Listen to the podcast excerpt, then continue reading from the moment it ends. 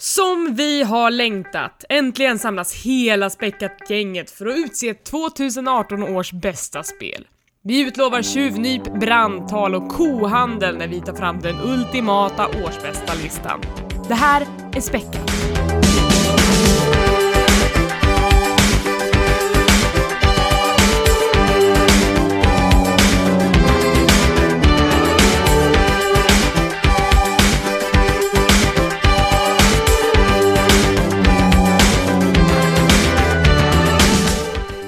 Och välkomna till Späckat, en podcast om spel och allt runt omkring. Det här är inte vilket avsnitt som helst. Det är först och främst årets första avsnitt. Det är också avsnitt nummer 81 eller något sånt där. Men framförallt så är det vårat Game of the Year avsnitt. Årets spel 2018. Jag heter Elisabeth. Med mig har jag Tommy, Hej hej! som är eh, ivrig att sätta igång ser det ut som. Otroligt ivrig, jag är otroligt nervös också ska jag säga. Oj, varför det? Men det är såklart, det här betyder väldigt mycket. Betyder det mycket för dig? Ja men det är såklart, det är ju årets bästa spel vi ska ranka. Ja, ja. Shit vad nervös jag låter. Skakandes. Och så nykter. Oj, Ja, hur länge till? får vi se. Det får vi se. Det beror på vad som kommer med. Sen så har vi Per, Tjena! tjena som också är här. Hur mår du? Jag är förväntansfull. Men jag, du har haft ganska mycket ångest också.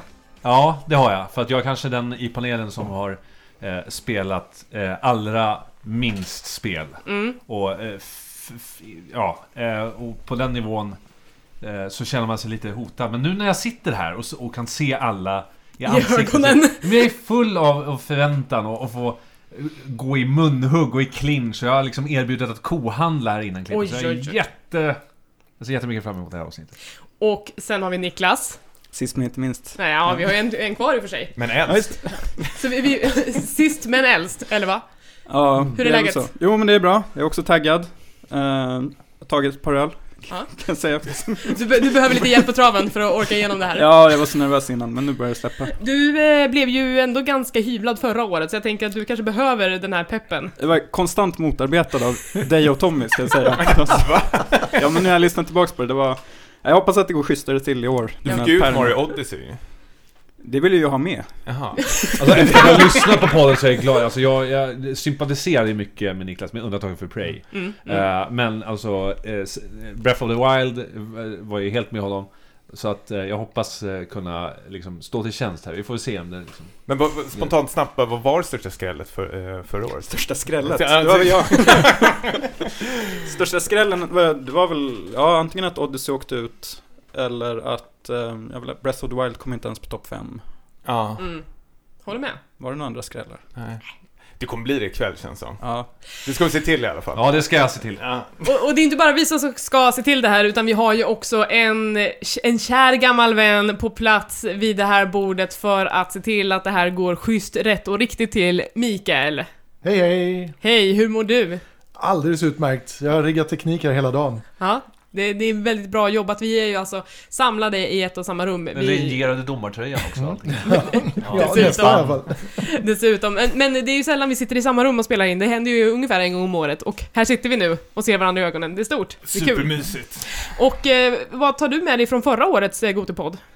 Ehm, det var mest att, alltså om man jämför med året innan dess så var det ganska kaosaktigt. Men sen vi införde turneringsformatet så har det blivit väldigt strömlinjeformat och väldigt spännande. Mm, mm, mm.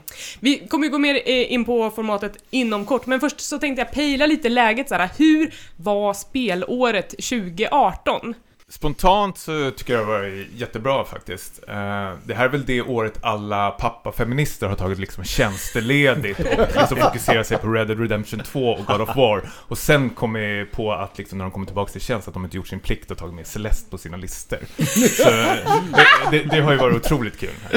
Eh, sen alltså, man, eh, jag skulle säga att eh, det har ju varit multiplayer-året, om man säger så. Att spelen, de bästa spelen, för mig i alla fall personligen, har nästan varit multiplayer-spel. Mm. Single-play-spelen har ju inte... Jag ser som plattformsåret ja. Ja, det blir din tur Per. Elisabeth kommer fråga dig. I sinom tid eller just nu? Vi går över till Per då. Ja, jag tyckte det var en, en snygg uh, segway där över. Hur du hijackade Jag hijackade, jag tycker han har inte så mycket att säga om faktiskt. Eh, nej, det var elakt.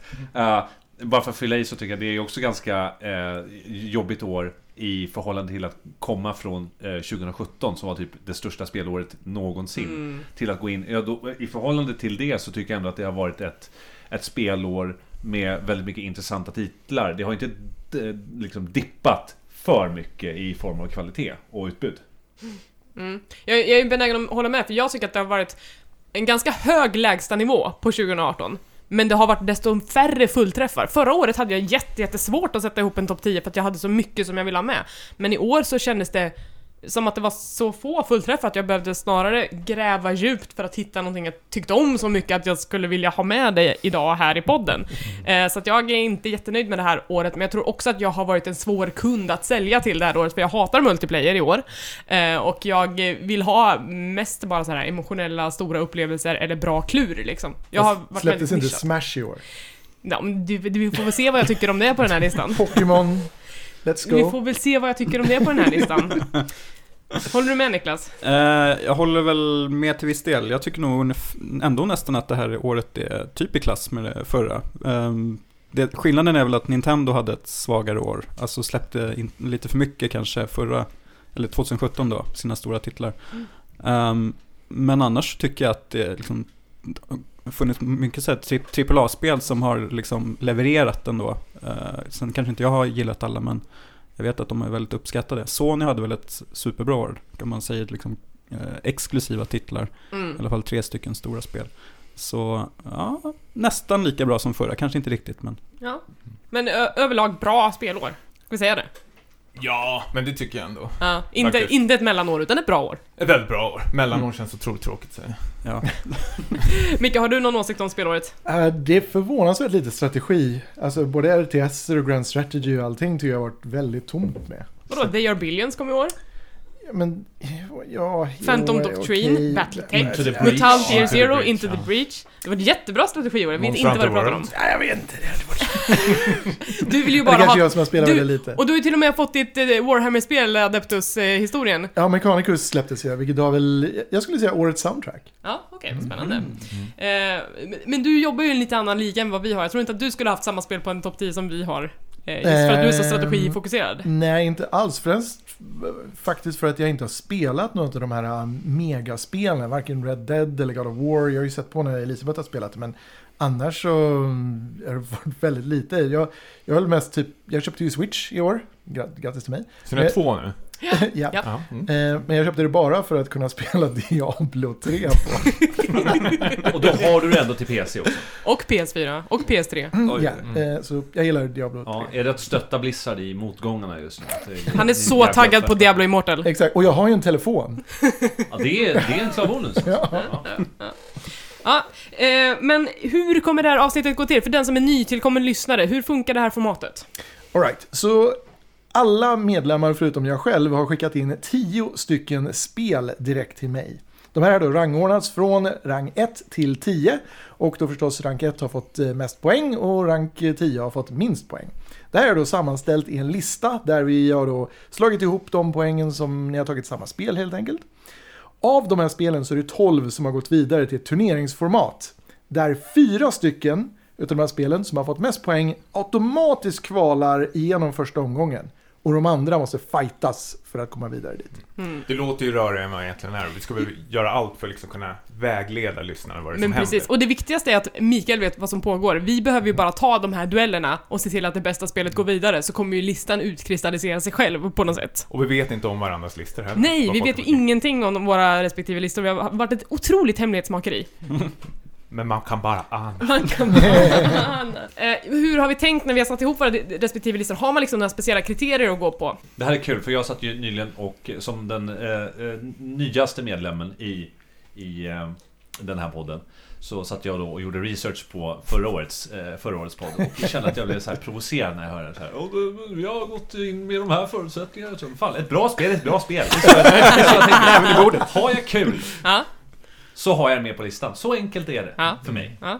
Punkt. Har du haft kul i år nu? Jag har haft eh, väldigt kul. För, för jag kommer ihåg att det jag, jag sa förra året var ju lite om att så här, äh, hur var det nu? Att det skulle vara, att det skulle vara nyskapande, det skulle vara välgjort och att det skulle säga någonting om var vi vill att spel ska ta vägen i framtiden. Så jobbade jag Ja, förra listan.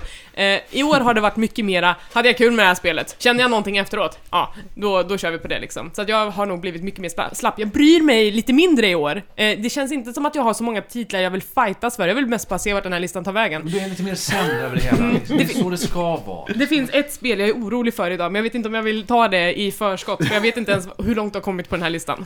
Ja, men jag, jag förstår exakt vad du menar. Jag har två eller tre spel jag är orolig för och det är Mm. liksom inte hur lågt de kommer utan hur högt de kommer. Ni är mer oroliga för vilka spel Alltså- som kan vinna än de ni vill ska vinna.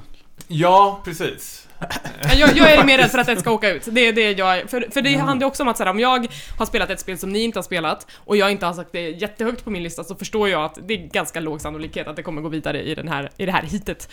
Eh, och det kan ju bli tråkigt liksom. Men Mm. ja, ja, vi får väl vi får se. Det är ju en gemensam lista. Min personliga topp 10, den, den är ju vad den är. Liksom. Den delar vi med på Twitter någon gång.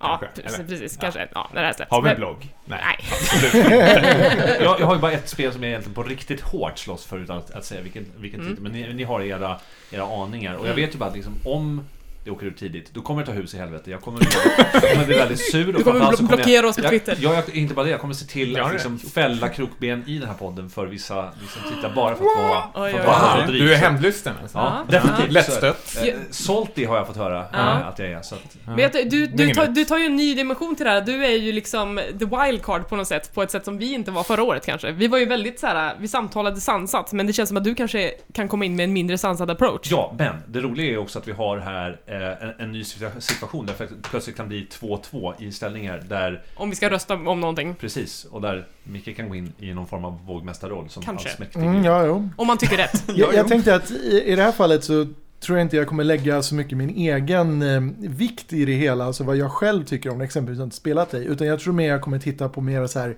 folkets röst vad det gäller vad som är populärt Men då kommer inte. Fortnite vinna. Eh, PUBG. Eller Red Dead. Och, och förra året, Goti, som vi nu har nämnt ett antal gånger, det vinnande spelet var då Nier Automata. Efter en otrolig plot twist i slutet, där det först såg ut att hamna på andra plats, men i en sista duell mot Persona 5 tror jag det var, Ja. tog första platsen när Niklas gjorde en legendarisk svängning i opinionen eh, och lade sin röst på att eh, plocka hem Eh, att lät, låta Nier Automata plocka hem första platsen. Det pratas ju en om det idag på Syntax Error. Förfesten. Ja.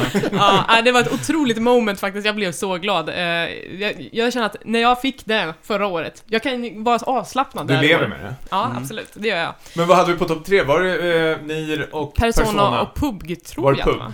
Ja, det kan nog stämma. Och året, året innan dess så var det ju XCOM 2 som tog hem Goti 2016. Och- För eh, Overwatch va? Precis. Före Overwatch, Det är, precis. jätte, det är ju skandal. Nej! Nej, jag har hört att det är ett ex excellent spel, XCOM 2. Mm. Eh, så, att, Spelar ens Per? Jag har rört vid det. så att det är ju den Hall of Fame som dagens vinnare kommer gå in i. Det är XCOM 2, det är Nier Automata och det är ett nytt spel som ska platsa där bland giganterna. Tetris effekt. Skratt. Puyo Puyo Tetris. Mm. Är ni redo att köra igång? Nu kör vi. Ja.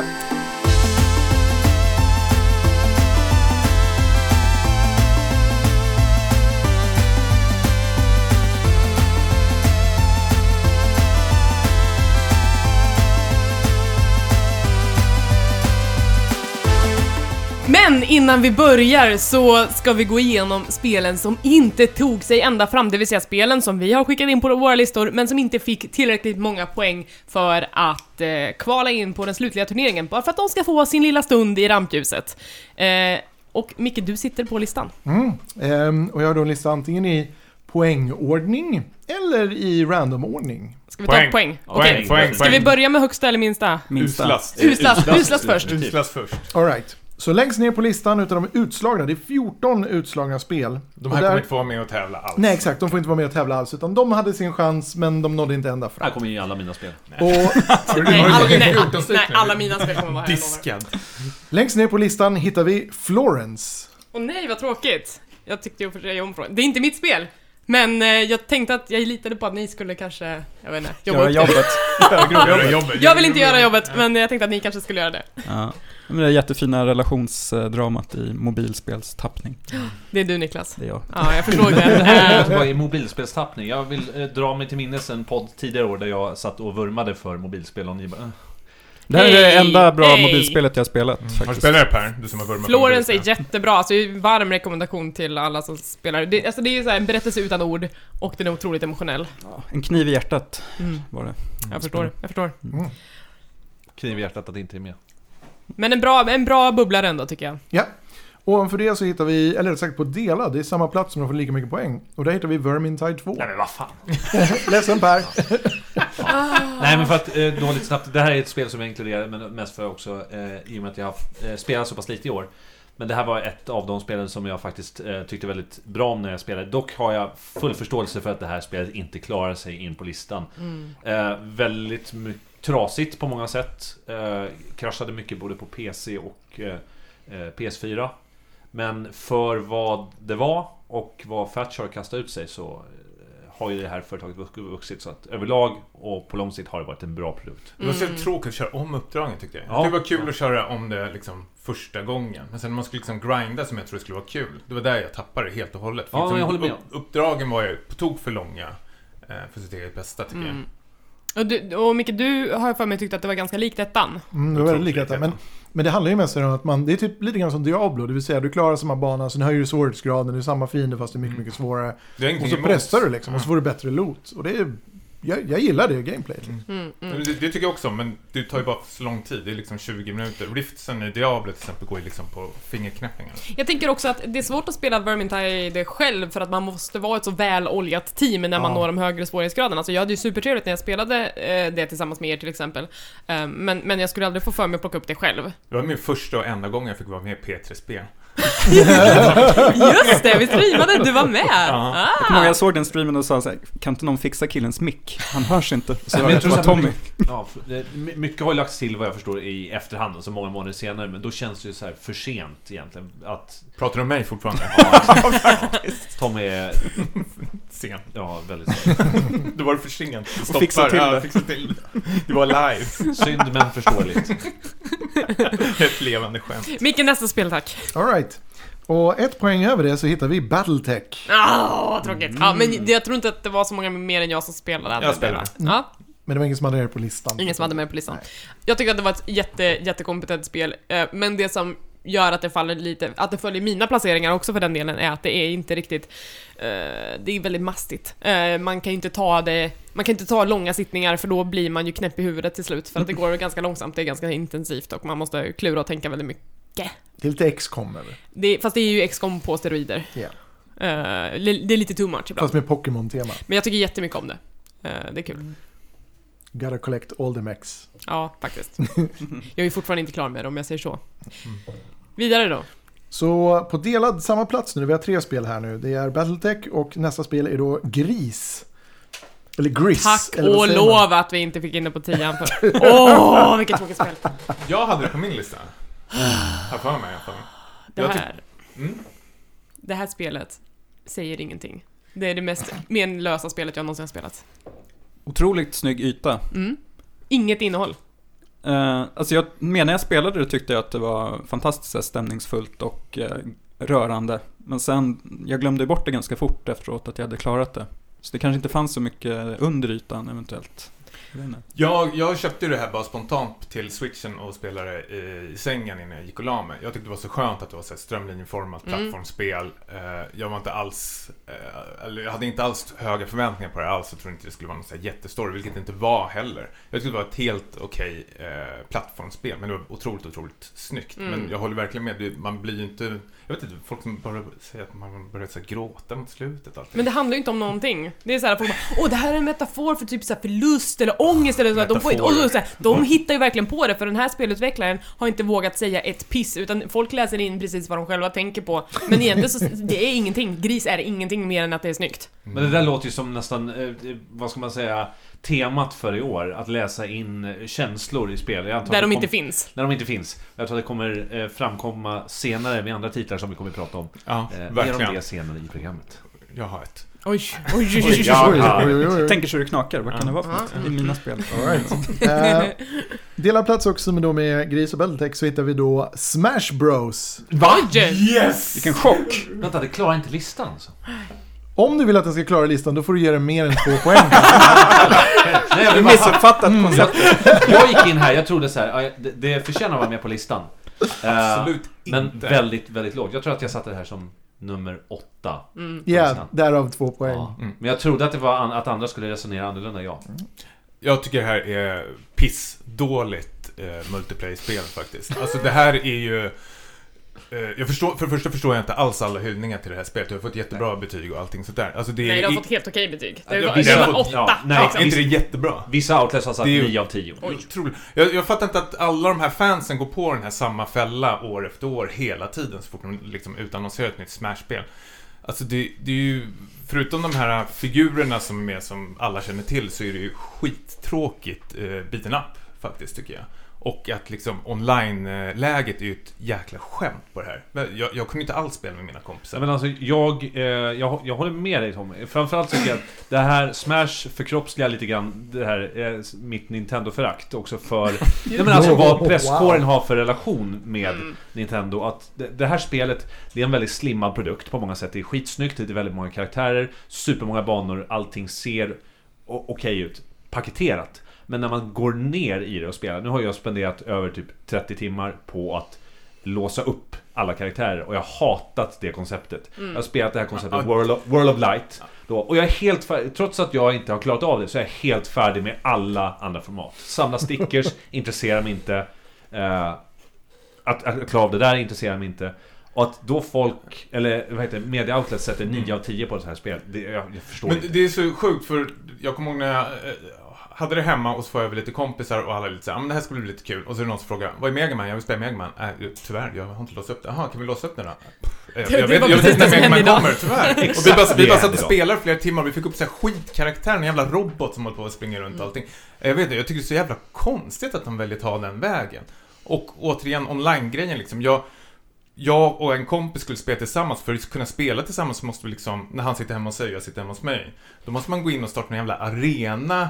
Och då är det inte liksom helt 100% att vi liksom ska hamna i samma lag eller någonting sådär. Det är jävla struligt tycker jag. Alltså någonting som bara ska funka i dagens läge. Alltså online tycker jag. Som ska Mm. vara så simpelt. Det är så jävla dumt upplagt. Samtidigt så är det ju ett... Är det ett- hatavsnittet där? Nej, det är inte ett hatavsnitt. Jag vill säga något positivt också. Ja. Det, som idag eh, på jobbet så hade vi en, en Smash-turnering där många som aldrig liksom har rört Smash eh, tidigare kunde vara med och ändå ha ganska kul. Och det här, de här typiska partyspelen som Nintendo ändå verkar klara av. Eh, det här är ju eh, fighting, även fast det finns ett väldigt djupt i Smash så är det ju lätt för folk att komma in och, och ha viss kul med herren på täppan-konceptet. Så Absolut någonstans så- inte, säger jag. Jag, Okej. jag hade, tog med det här till julas. Nu stannar vi alldeles för länge vid ett spel. Men jag tog hem det här i julas till min familj och vänner och så skulle vi spela tillsammans. Då hade jag det här, Smash och Tower for Ascension. Alla älskar eh, resterande spel men hatar Smash för det var alldeles liksom kaotiskt. Det var för svårt för att komma in och fatta vad som hände på skärmen. Liksom. Alla bara satt och tryck. Som man gör i ett beaten up-spel men liksom det, det fanns ingen glädje där alls. Som kanske fanns i Mario Party och Towerfall. Alltså jag har ju, jag är ju Smash-fan sen innan och jag tycker att Smash Ultimate är ett helt okej spel. Jag tycker att det är en bra portning egentligen av Smash till Switch, det är inte mer än så. Men jag skulle aldrig ta med det och spela med folk som jag inte, som Nej. jag inte vet är smashare. Det är ju liksom lite det det hänger på. Jag vet exakt vem jag ska ringa om jag vill spela Smash med någon, men jag vet, men liksom resten, det skiter jag i. Det är, det är en otroligt nischad grej, jag tycker att det är ett bra spel, men det kvalade inte in på min lista över liksom de här otroliga spelupplevelserna, det är det inte. Är vi klara där? Ja. Har, ni nu- fått, har ni fått ur er allting? Ja, jätteskönt. Ja men det- vi har inte gjort så mycket podd sen det kom heller, så att vi får ju plats att ventilera men det är nu. sant. Vi har fått prata av. Du har ju också spelat Niklas. Nej, ska vi släppa det? Nej, vi kan släppa det. Du håller- hatar det? Ja, det, jag, jag gillar inte den här ballongfysiken med karaktärerna, att de börjar liksom sväva upp i... Nej, Nej, okej. jag, jag har svårt för det. Man kan ju hämta sig alldeles för mycket. Ja. Anyway, eh, på tre poäng så hittar vi två spel. Och då hittar vi då... Ett utav dem är då Mutant Year Zero. Åh nej, vad jag ensam om det också. Har ni spelat det? Nej, det här vill jag Nej. spela. Det här är ju ett av skämsspelen Mm. eh, spelen som jag ville spela faktiskt Mm. i år. För det här tror jag kommer gilla. Det, det var svårt för mig att ranka den mot Battletech eftersom de är snarlika i gameplay, men, men MUTANT har otroligt mycket mer stämning tror jag. Mm. Så att eh, när jag fick, har låtit det här marinera ett tag så känner jag ändå att fan MUTANT är, det är ett spel som jag tar med mig på ett helt annat sätt och, och som jag skulle vilja se mycket, mycket mer av. Eh, Jag hoppas att den studion fortsätter att göra nedslag i den världen. Men hur vet man, kommer det komma fler uppdateringar till det här spelet? DLC? Det är inte sagt någonting än, Nej. så att eh, liksom, jag är otroligt tacksam för den lilla upplevelsen jag har fått, men jag hoppas att det blir mer, för att det här känns otroligt lovande som koncept och som spelstudio och allting egentligen. Så att, eh, testa det. Spon- spontant så tror jag att om vi hade testat så tror, är jag rätt säker på att det hade kommit högre. Ja. Faktiskt. Mm. Men, ja, det finns XCOM älskarna som- här. Ja, och det, det är lite skämmigt, Mm. tycker jag ändå. Nej men det är, det är helt okej liksom, men, men det finns ju andra spel som är bättre så att jag är också helt okej med att det inte är med på listan. All right. Eh, då på tre poäng hittar vi då också Paratopic. Mm. Mm. Jag tog med det. Har du spelat det? Ja, Niklas också va? Mm. Jag också. Mm. Mm. Fick du så lågt? Ja, jag känner att jag borde ha satt det högre nu när jag tänker efter. Jag ångrar mig lite, men det är i alla fall ett, eh, man kan väl säga, om ni har spelat Virginia så är det lite likt. Det är liksom inte riktigt en walking simulator, mer än liksom ett gäng scener efter varandra som eh, i det här fallet då känns väldigt så influerade från typ David Lynch, David Cronenberg, någon typ av så här 80-talsfilm kanske. Väldigt såhär Videodrome-känsla. Ja, men över precis. Man ska smuggla VHS-kassetter över eh, gränsen till eh, något okänt. Men Vad som, vad som finns på de här VHS-kassetterna är superhemligt. Superhemligt, Ja. men det är inga, inga trevliga saker känns det som. Men med andra ord så är det här ett spel right up eran eh, lilla gränd. Ja, Ja. verkligen. Jag älskar det här spelet. Och det tar bara typ en timme att spela. Så jag har spelat det två gånger och tyckte Mm. att det var ännu bättre andra gången. För det är liksom så här, man, eh, man lägger märke till detaljer som man inte la märke till Mm. första gången. Som gör att man kan pussla ihop den här liksom tidslinjen. För det Mm. liksom berättas inte så kronologiskt utan det är flera olika karaktärer också som man spelar. Som jag inte fattade att man var första gången jag spelade. Så det blev ännu bättre andra gången. Ja. Mm. Ja, får jag kolla in. Stark hipster-rekommendation. Ja, oerhört stark. Men, men den måste ha kommit sent, för det har vi inte pratat om i podden. Nej. Nej, jag tror det kom i våras, men Ja. jag spelade inte förrän nu här Ja. när det började dyka upp på lite såna här Gotilistor. Ja, jag förstår. Den står vid årsskiftet också. Här. Finns. All right. Bara för att jag sitter tyst behöver det inte betyda att jag gör andra ljud. Ehm, nu hoppar vi upp till fyra poängen då. Det finns två spel där, varav ett utav dem är ett, ehm, ett spel jag vet du testade ganska sent Elisabeth och det är Beat Saber. Och nej, det kom inte ens in på listan, fan vad tråkigt. Du Åh! fattar inte, det här sa du ju var Goti. Ja, det är Goti, men det fanns ändå bättre spel. Alltså när jag tänker, alltså... Det, det, det, Det är gott med en fast bättre spel. ja men alltså jag hade en otroligt stark upplevelse första dagen jag spelade det, alltså jag blev ju frälst. Det var ju sjukt det, att spela det i VR. Det, var, det här är ett spel där jag känner att wow, VR har hittat sin grej. Nu förstår jag vad VR är till för, varför jag ska ha ett VR-headset hemma. Det var helt otroligt. Det är ju som ett glorifierat Guitar Hero, men med otroligt mycket mer fysiska inslag. Jag, som är en rytmspels-junkie, gick igång på alla växlar på det här spelet. Det som talar emot det är att om man kör på PS4 som vi gör så finns det inte så mycket låtar att välja på. De har planerat att släppa songpacks men de kommer kosta liksom 10 dollar styck eh, för att få 10 nya låtar. Medan PC-folket kan ju liksom bara ladda hem och modda in vad fan de vill. Om jag får vara linjedomare här, inte det här ett early access-spel? Jag tror, jag tror att det var, jag tror att det var Early Access förra året men att det kom nu i mars eller maj som riktig release faktiskt. Någon Betastadie va? Nej, det, Nej, det inte. är... Nej, jag, jag är jättedålig insatt. Men är det här i klass med Thumper som ni gillade oerhört mycket för ett år sedan? De är ju ganska olika på ett sätt. Det här är ju mer ett, någonting man spelar för sin egen skull. Thumper var... Thumper berättar ju en, en historia på ett annat sätt medan Beat Saber är mer såhär Åh, jag ska klara den här låten på expert! Och sen så grindar jag samma låt 200 gånger. Och vilken tur att de har lagt in soundtrack-låten från League of Legends Worlds turnering i år, den här K-pop-låten Popstars. Åh vad bra den är! Vet du hur många gånger jag har hört den? Ja, så 200. många gånger. Ja. Och det är inte så att jag får höra hela låten. Nej för jag dör ju mitt i. Ja. Så kommer jag till rappen och sen bara nej nu är det rappen, nu dör jag, och så dör jag och sen börjar vi om igen.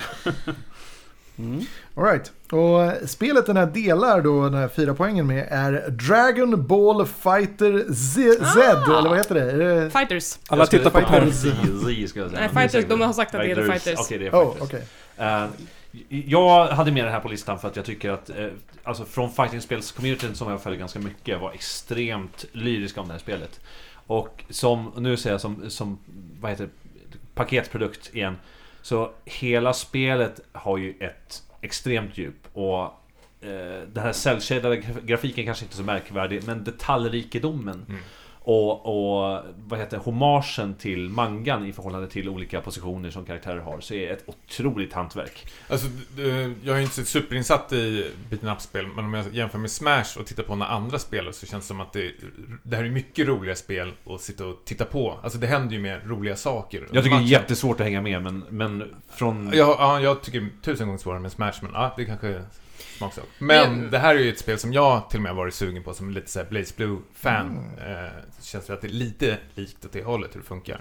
Jag spelade lite Dragon Ball Fighters i början av året och kände att, lite det du säger, att jag är otroligt imponerad av hantverket och hur det ser ut. Det är ju som en levande serietidning på ett, på ett bra sätt. bli och det tycker jag är jätteroligt. Ja. Ja, vi börjar bli lite mer och mer positiva. Ja, men det känns som att det glömts bort lite grann. Att det, man slutade prata om det, men när det kom, det var ett sånt himla Mm. snack om Det det. var ju för att det inte kom så mycket andra spel vid den tiden Ja, fast det är inte sant. Alltså det gick snabbt upp som typ Evos mest populära titel. Eh, vi såg spelare från alla möjliga olika eh, fighting-genrer, från Tekken till eh, Soul Calibur till, till, till Street Fighter som nu ska jag börja spela, nu ska jag börja spela Dragon Ball för jag tyckte att det här var så himla kul i betan. Mm. Eh, men jag vet inte vad som har hänt så här efteråt, varför det där verkar ha dött lite. Vi får väl se på, på nästa Evo om det här fortfarande Mm. lever. Men... De ska ju köra ett vår-Ivo nu i januari i Japan, så att de kommer ju dubbla frekvensen på Ivo. Då kanske vi får se lite mer action ifrån fighting-scenen, även på off-season. Det ska vara kul.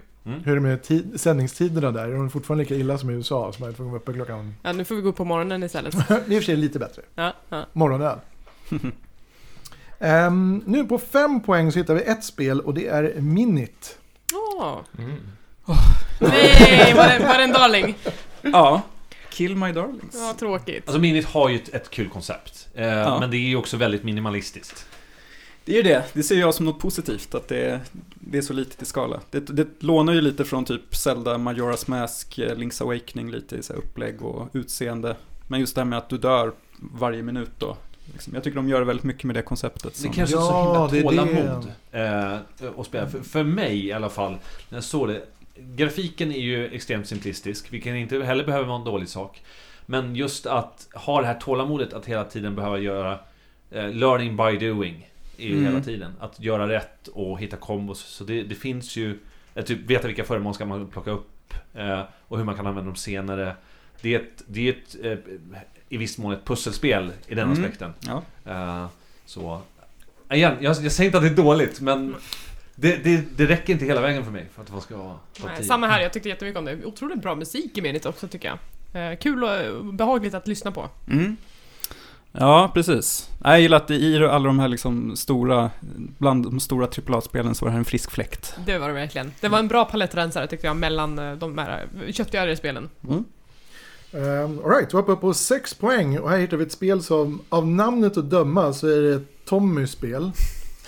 Och det är 428 Shibuya Scramble. 428 om jag får 420 Blaze It!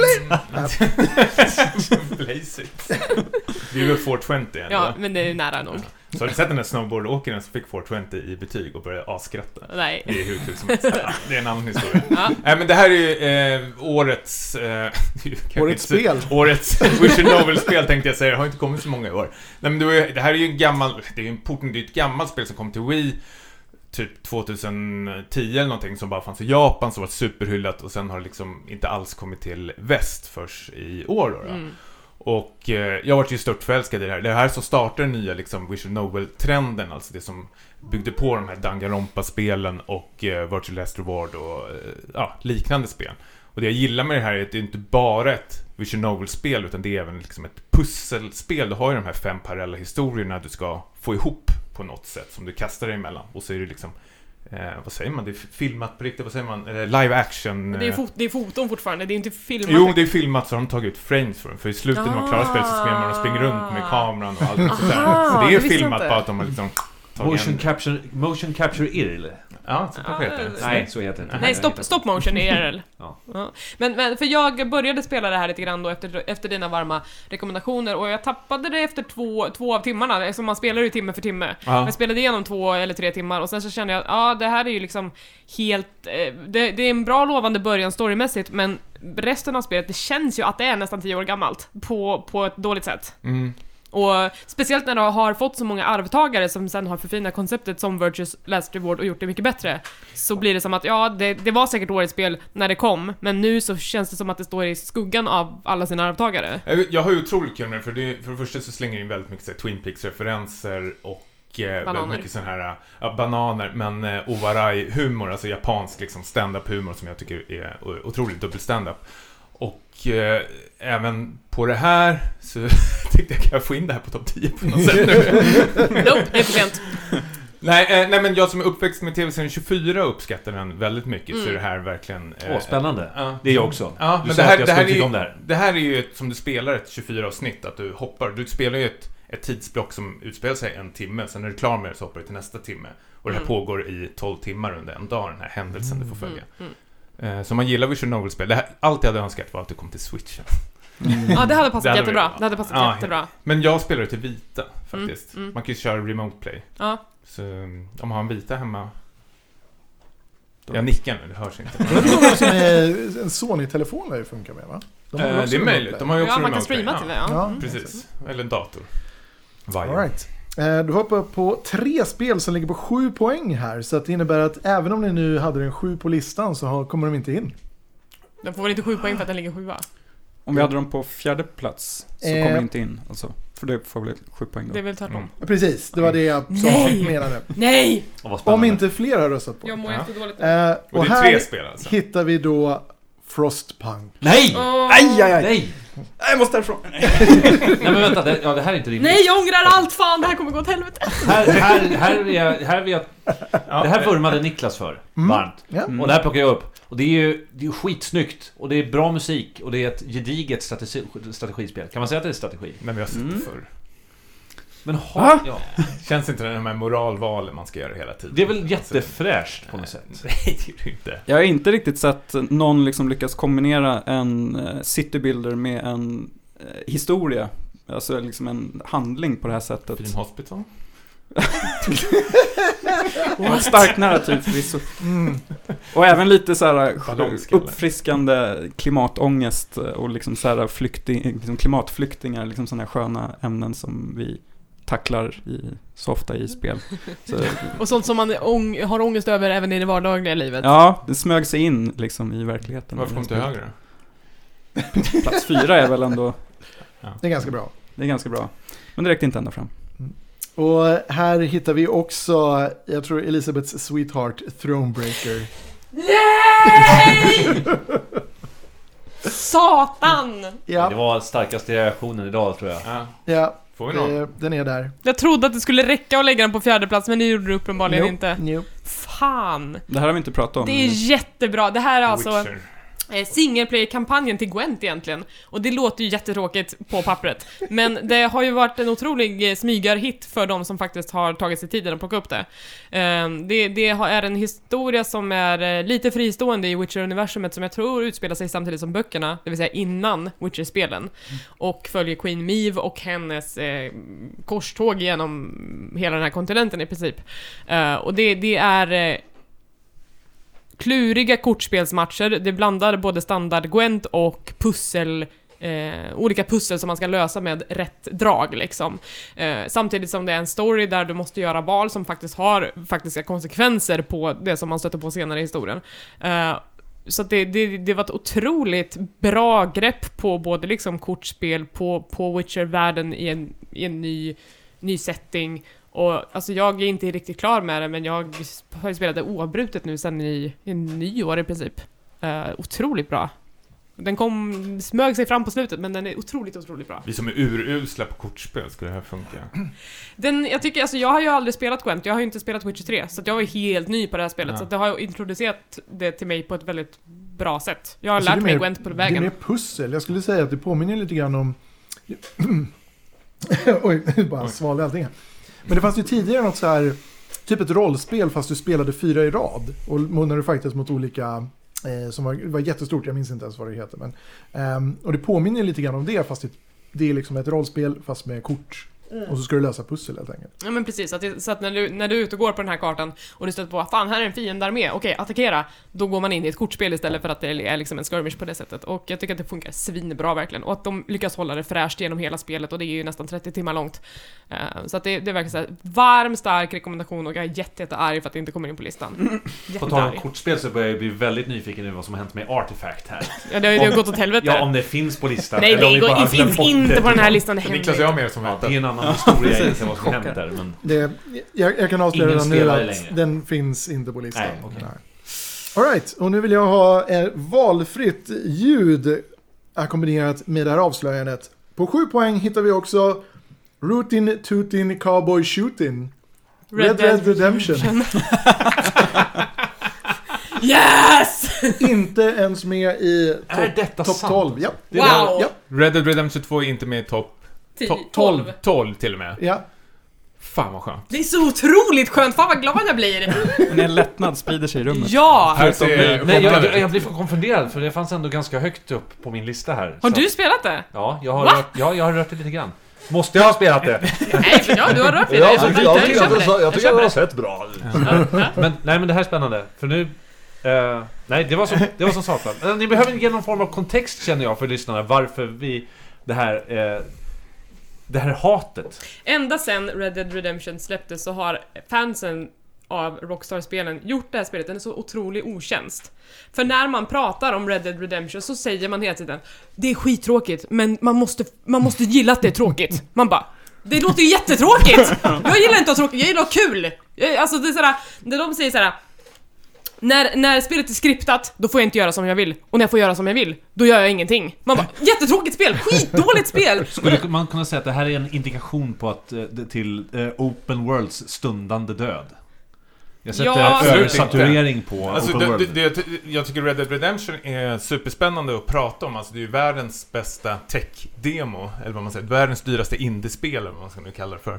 Men det som är tråkigt med det är ju själva storyläget. Alltså, det är som du säger, att det är så otroligt skriptat alltihop. Det var ju någon som la upp ett videoklipp på internet när man bara försöker liksom rida lite åt sidan till exempel till main mission. Och så blir det liksom mission fail. Nej, Rockstar vill inte att du ska rida här. Och då, då var det någon text som kom upp så här.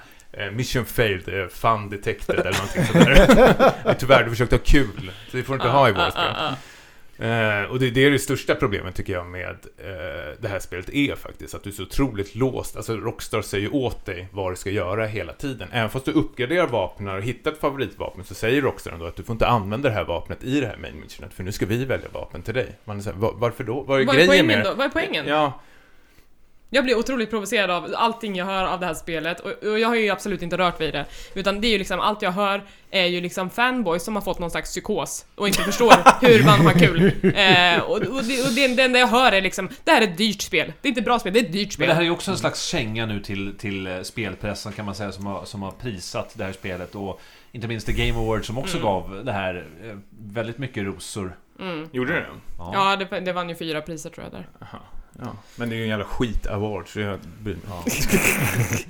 Eh, men också hela den där spelmedia-grejen, alltså jag har ju hört saker som, som liksom Ja, journalister får ta emot eller får, får höra för att det liksom ska gå så bra som möjligt från, för de här spelen. Och det är inte Red Dead ensam om, Rockstar är inte ensamma om att ha den sortens PR-byråer som försöker påverka betygen på det sättet. Men det har ju absolut förekommit. Men det känns som liksom, ända sedan GTA 5 så har Rockstar liksom varit instängda på ett kontor och inte liksom tittat ut vad som händer i Mm. spelvärlden. Liksom. De har Mm. inte liksom influerats eller tagit åt sig eller någonting, utan de har bara kört sitt eget race. Men behöver det här. vara en dålig sak? Nej, det behöver sin grej. verkligen inte, men de har ju alltid varit herren på täppan över de här Open World-spelen och de sitter fast vid det här formatet som liksom är så otroligt gammalt. Och även om du ska göra ett västernspel och då tycker jag ändå du kan göra någon snygg liksom hommage till västerngenren. Alltså, jag, musiken är piss-tråkig i de här spelen. Jag känner inte alls någon gammal spaghetti-västernmusik Nej, liksom. nej. det fick de ju pris för på The Game Ja, det, det är så löjligt. Det är så löjligt att jag grinar nästan. Alltså det... Eh, det finns ju tusentals västern... Jag började titta på massor med västernfilmer efter jag hade spelat här. Och liksom, istället för att liksom ha de här snygga Sergio Leone-kameravinklarna eh, och väldigt den här lekfulla som westerngenren har, så har de liksom, känns som liksom dyra drönare och åker över skogen hela tiden, de här konstiga panoreringarna och allting. Så att, nej, Du vill ha så här smutsig väst, lite...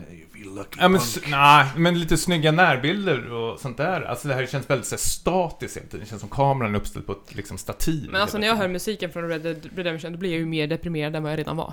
Det är ju liksom... det, Men- det, det, det, det, Det är ju som de, de hyllar sig själv också i det här spelet. För förra spelet så hade de den här klassiska scenen eh, med José González låt som kom in som var jättesnyggt Mm. Eh, hur, hur den satt och allting. Men de försöker här återigen i det här spelet tre gånger med liksom tre olika liksom, singer-songwriters som ska komma in. Är det såhär D'Angelo eller något sånt? Allt faller platt. Ja, och det är såhär, herregud, ni bara krystar ut liksom eh, de här klyschorna nu. Men Niklas har också sänkt- ett antal timmar här. Ja, det är- väl årets stora sorg, alla timmarna som spenderades på det här spelet och hur lite liksom utväxling Tid du aldrig får igen. Lite så. Men som Tommy säger, det har ju varit otroligt kul att prata om det liksom, de Ja, här det är timmarna. superkul att prata om det här spelet. Det är liksom så här, om man jämför med ett spel som Shadow of the Tomb Raider, som jag misstänker inte är med på någons lista. Det är, det är väl jag bara som har spelat Jag det. har inte spelat det. Ja, jag la ner asmycket timmar i det och tyckte det var askul, men det är astråkigt att prata om. Det finns Mm. inget kul att säga där. Red Dead Det är... är inget nytt koncept heller. Det är Nej, det är verkligen- Det är bara mjölka samman. Precis. Men kan vi alltså, ge en liten, vad heter det, liten uh, Knapp knapp i, i kragen eller någonting. Ah. Eh, för alla de här ramla av hästen-videos. Det, är- det, det kan jag titta på Niklas hatar ju dem. Jag tycker det är Det hysteriskt. var kul i början, sen så blev det lite väl mycket kanske. Det. Du har precis upptäckt dem kanske nu när du börjar spela. Ja, lite grann kanske. Ja. Ja, Jag har sett några kollegor som har lagt upp sånt där på typ Xbox, eh, i Xbox-klienten. Alltså, hysteriskt kul. Ja, shit. Smash och Red Dead ute alltså. Ja, Det är skönt. Stort ändå. Stor start. stort. Ja. Men det är så är det. Så nu, nu kan vad som helst liksom hända. Topp 5-spelen då. På Mm. Men det är, jag känner ändå någon slags otrolig sorg över att Thronebreaker är lika dåligt som Red Dead Redemption i den här listan. Gud vad många suckar högt nu som lyssnar på det Är det allt vi har för, Det från de som åkte Vi ut? ska väl också ge specialpris till eh, spelet som inte ens kommer med på listan någonstans, vilket är ju Fallout 74. 76. 76. Ingen minns ens vad det heter. Jag som älskar Fallout minns inte ens vad det heter. Så, well. Var det någon som trodde att det skulle komma på Nej, listan? nej, nej. Men jag är så otroligt sugen på att spela det. Jag med! Ja, jag är Så skitsugen på det! det. Är det som är så jobbigt! Ah! Men just sådär hade jag en kollega som sa också bara Åh nej men nu är jag jättenyfiken, spelade, eh, kunde knappt installera spelet när det väl började gå bara, Nej jag orkar inte, jag vill inte Det var det jag försökte göra med Atlas nu. Det startar inte ens. Är det sant? Bra spel. Ja. Alright, och då är vi egentligen färdiga med de som inte kom in på listan. Och då har vi ju 12 spel här. Mm. Och vi har en turnering. Spännande.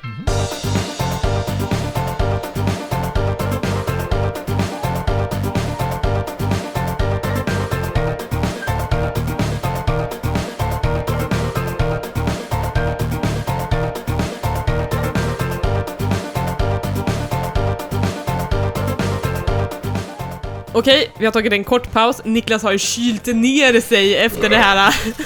Ursäkta, förlåt. Niklas har kylt ner sig efter det här, den här jobbiga utslagsrundan. Tommy har, eh, ja, lite att lätta på. Lite lätta på lite rapad i Ja. magen. Ja. Ja, men jag var ju så otroligt nervös innan vi liksom började spela in nu. Mm. Frågade lite, är det någon som har tagit med Red Dead? Är det Red Dead? För du ville, ha, du ville ha tillfälle att hyvla Red Dead Redemption, du var rädd för att du inte skulle få det. Precis. Mm. Eller jag var rädd för att till och med att det skulle komma för högt till med så jag inte hinner. Att alla ni tre sitter så här och runkar av den där hästballarna. Per, känner du? Är du taggad på Ja, topp jag är 10? väldigt taggad. Jag sa det här i, i pausen när eh, jag försökte varva ner att jag tror att mina strider kommer väldigt tidigt så att jag, jag börjar känna... Du börjar kavla upp ärmarna. på slaget nu alltså.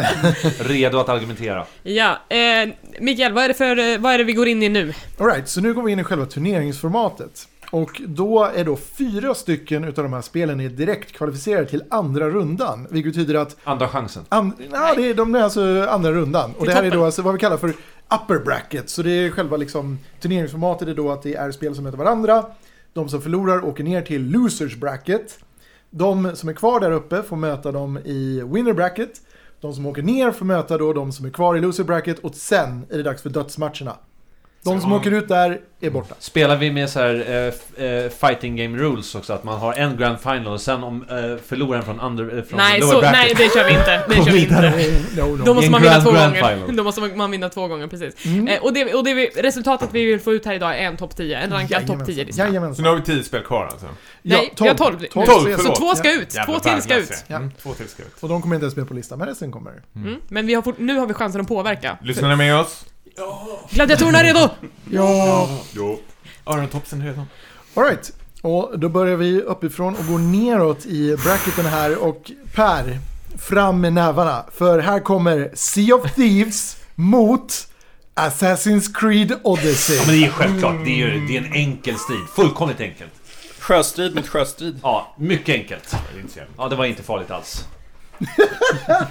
Så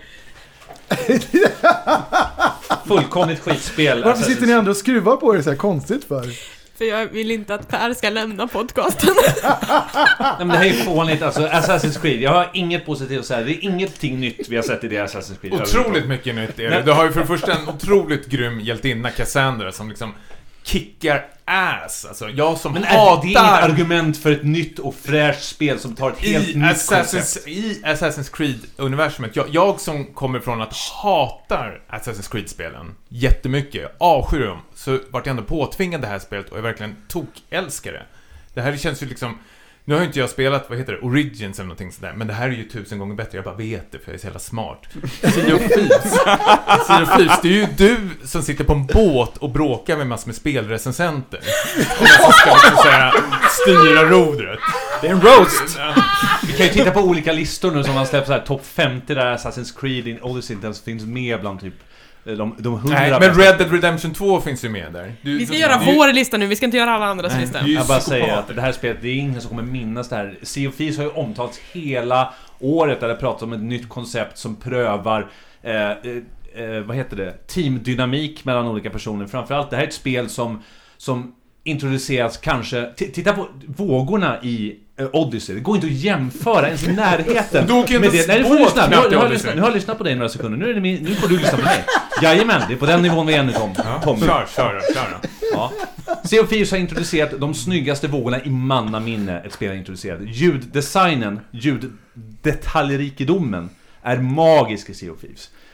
Den här resan är målet har vi oftast hört, som är precis vad Sea of Thieves handlar om. När du sätter dig på en båt, börjar packa utrustningen, börjar lasta din båt med kanonkulor, med bananer, med plankor. Glöm inte Du kycklingarna. har ingen aning vad som väntar dig i dagens äventyr. Kanske stöter du på en båt med hemska pirater. Kanske skapar du en helt ny vän. Eller så får du bara en, en, en magiskt äventyr där du har ihjäl, du hittar en skattkista som du aldrig hade räknat med att hitta. Eller så blir det... Oberäkneligheten Mm. i Sea of Thieves är orivaliserad i spelhistorien. Den här oberäkneligheten... Assassin's Creed Hur många punkter ska du göra? Du vet ju exakt vad du får när du startar Assassin's Creed. Absolut inte. Jo, Nej. jo. Absolut inte i storymässigt. Alltså om du jämför med de gamla Assassin's Creed-spelen. Jag, jag spelar Origins, det är väldigt likt. Ja, det säger jag på direkt att inte. Du har, du har inte Cassandra där. Fan, Malaka. Nej men man har Bayek and he's a good boy! Vilket jag älskar Cassandra namn. också. Cass är fan den grymmaste jävla karaktären Oj, är ni kass med varandra nu? det är Cass nu till och med. Malaka! Hörru, jag har ju spelat Assassin's Creed Odyssey och jag kände så här. Notera att det- som, som förlorade den här duellen har inte åkt ut än, utan det finns fortfarande en chans. Så att det är inte en dödsmatch på något precis. sätt. Men senast jag spelade Assassin's Creed var att jag, jag hade precis klarat av liksom en så här stor story-grej. Ska du åka vidare till nästa ö, seglar och hamnar i båtfight, bla bla bla. Spelet fryser. Jag måste göra en hard reset. Nu sa du Assassin's Creed då? Ja. Okej. Assassin's Creed frös. Jag var tvungen att göra en hard reset. Det, och jag, eh, jag har inte rört spelet sedan dess, för jag blev så jävla arg. Ja. Hellre det känner jag att man kan starta om spelet än att man blir som Per inlåst i en jävla cell av sina kompisar. Och får sitta Med, en sunken och- och- cost Och fallacy. inte få spela spelet utan höra när sina kompisar kul. Jag tycker det låter som en jätterolig spelupplevelse när de låst in dig. Du Alltså berättar det. Assassin's Creed är ju en upplevelse Men- som du spelar du det? själv. Ja. Det är din upplevelse helt och hållet. Mm, jag hatar Men folk. gruppdynamiken i Sea of Thieves, det som kan uppstå mellan både dina lagkamrater och det som, som väntar i hor- horisonten. Mm. Det är fullkomligt magiskt. Att ens sätta sig, att, eh, att klättra upp i The Crow's Nest och, och speja ut eh, över en 360 graders horisont. Mm. Och bara leta efter. Där borta finns någonting som jag måste, som jag måste eh, ta hänsyn till. Eh, jag vet inte. Jag känner- jag, jag, jag, jag jag, känner är helt mållös. Jag är helt mållös. Jag, jag känner allting med dig Per och jag är beredd att ta Sea of Thieves parti här. Jag tycker att Assassin's Creed ska vara på listan men jag tycker inte att det ska vara alldeles för högt upp för det har ganska mycket brister. Eh, men däremot så betyder Sea of Thieves så mycket för dig och jag, jag respekterar det jättemycket. Så att i den här duellen så tar jag, så är det Sea of Thieves. Jag, jag tycker, per, om man bara tar bort vågorna så beskrev du precis Vermintide 2. Fast det är inte Eller Fallout 76. Nej det exakt, men det var såhär, mina kompisar och horisonten och skattkistor och äventyr, man lastar på sig Fast grejer. skillnaden där, det jämför du ett linjärt spel med en sandlåda. Och det är inte riktigt möjligt. Den här sandlådan så kan du göra väldigt, väldigt mycket. Du kan faktiskt mot skelett gräva upp skatter och möta på andra spelare. Fast det är fortfarande en sandlåda och det andra är ett linjärt spel. Men, men om vi säger så här, hade du varit ensam i Sea of Thieves, hade det varit lika kul då? Jag har spelat många gånger själv i Sea of Thieves. Och Sad. fortfarande haft den här möjligheten Fast att... det var inte det som var frågan. Vad är det lika kul ensam? Eh, nej. Men det är fortfarande kul. Niklas, Fortfarande håller hög- Niklas vad hör du? Vad är det du hör här? Vad känner du? Jag hör mycket, alltså jag, jag gillar ju verkligen Pers eh, beskrivning av det här, liksom verkligen målar upp det. Den gången när du och jag och Tommy spelade så var det kanske inte just det som liksom hände. Det realiserades inte. Men det var oförutsägbart i och för sig. Det kändes som att man gav sig ut på så här okända farvatten. Mest spännande var ju när du konstaterade att det kommer ett gäng griefers grievers. Det trodde jag var så här, typ ett pirat, eh, en, en piratart eller någonting då som fanns där. Men det är ju förstått att det är folk som bara vill förstöra för Men andra. här tar du ju upp ännu en styrka med spelet. Ja men det var ju, det, var ju det mest spännande. Och jag för att känner då så kom här- den här oförutsägbara. Varför har du att inte jag får- återvänt till det då, du som skaffade den?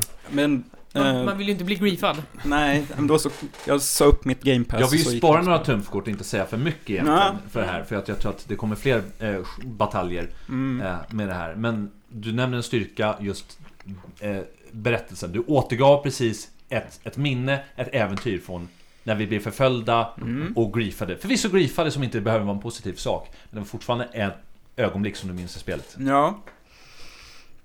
Mm.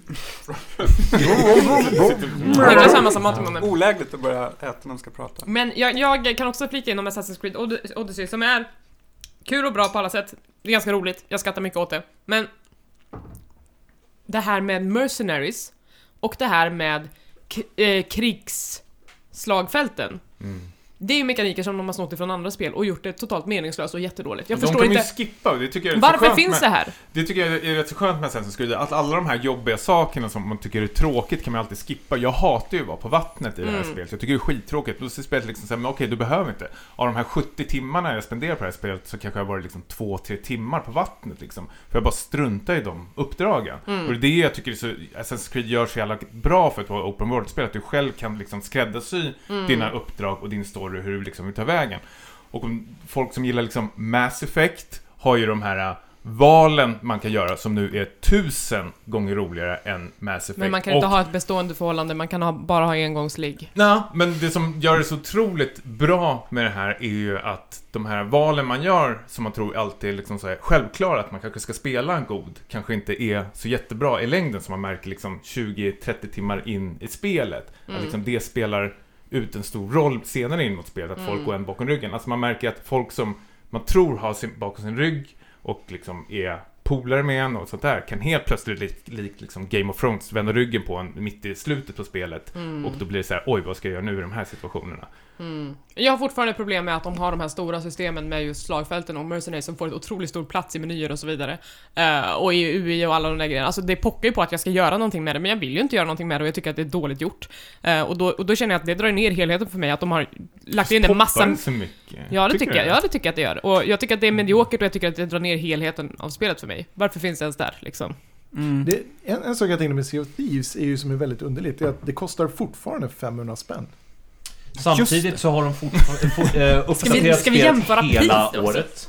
Eh, så att när spelet släpptes var det många som klagade på att det här inte är ett, ett eh, fullständigt spel. Efter det så har det kommit ungefär fyra gratisuppdateringar. Som den första uppdateringen redan gjorde det till ett, ett komplett spel. Och efteråt så har de bara fortsatt att mata det med nya in-game event, nya eh, em, vad heter det, vädereffekter som påverkar sp- eh, spelupplevelsen ganska radikalt.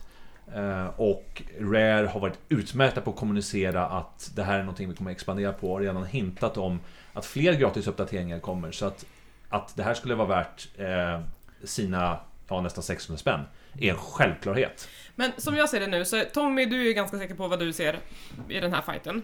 Ja, jag, jag tror jag ser Face på mitt tredje sämsta spel för i år. Du, och Per vet vad du vill ha i den här fighten. Fullkomligt. Jag är beredd att ta Pers parti, så egentligen Niklas, vad säger du? Ja, alltså jag... eh, Alltså båda de här spelen kommer ju få en chans till. Ja. Eh, jag, jag vill ha med båda spelen. Och, men jag är nästan... Jag, jag spelar Assassin's Creed Odyssey just nu. Och tycker det är väldigt kul. Men jag är inte helt övertygad ännu om storheten som många har sagt. Så, och jag gillar nerven som uh, Sea of Thieves bidrar med. Så jag, jag säger också Sea of Thieves faktiskt. Det är, inte, det är inte över för Cassandra än. Häng med Alexia jävlar. Alltså det här, var, ju- det, här var, jo- det här var jobbigare än jag trodde faktiskt. Ja. Men du kommer ju bara tycka att det är så här jobbigt just när det här spelet Ja, ja, gäller gud, ja. kanske. Alltså det är, det är jobbigt att så här, För du slår ju från underläge i de här äh, matcherna. Ja, ja, gud ja. Och det är jobbigt att vara så extremt passionerad eh, över ett spel. O- Det kan jag förstås ge dig. Jag tror att du är tusen gånger mer passionerad över Sea of Thieves än vad jag är för Assassin's Creed. Men det rättfärdigar inte det som Men jag tycker, det- på ett sätt så är det ju skönt att Thronebreaker åkte ut för mig, för jag inser nu att jag känner jätte, jättestarkt för det spelet. Och det känns skönt att det är avlivat redan, så jag inte behöver ta den fighten längre. Jag, jag vill bara säga så här Per, om du är så här upprörd när Sea of Thieves dyker upp så ska du få se nästa gång det dyker upp. Oj då. Ja, men då har jag en chans i lower bracket. Är vi klara med den här duellen? Yes! Jag rapporterar in scoren i 3-1 till Sea of Thieves. Ja. Och då går vi vidare till nästa match, vilket då hittar vi vår favorit eh, nätkastare mot Dead Cells. Så Spindelmannen mot Dead Cells. Oj. Jag, jag har inte spelat något av de här spelen. Eh, Nej, okej. ja, då. så jag, jag, jag kan bara luta mig tillbaka och Njut av showen. Jag har ju Ja. spelat Dead Cells. Det här var ett av de senaste spelen jag spelade till eh, Switchen. Det är ju ett roguelite-spel. Jag tror många känner till vad det är för slaktspel. Jag har spelat också.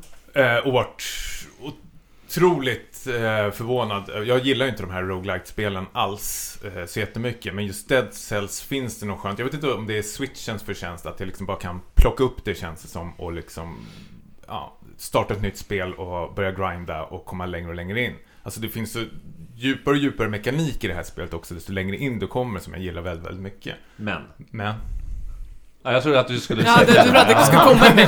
Jag vill inte bli Men- med dig igen Tommy nämligen, så jag hoppas Men, att du... men visst, det kan ju bli lite eh, långrann.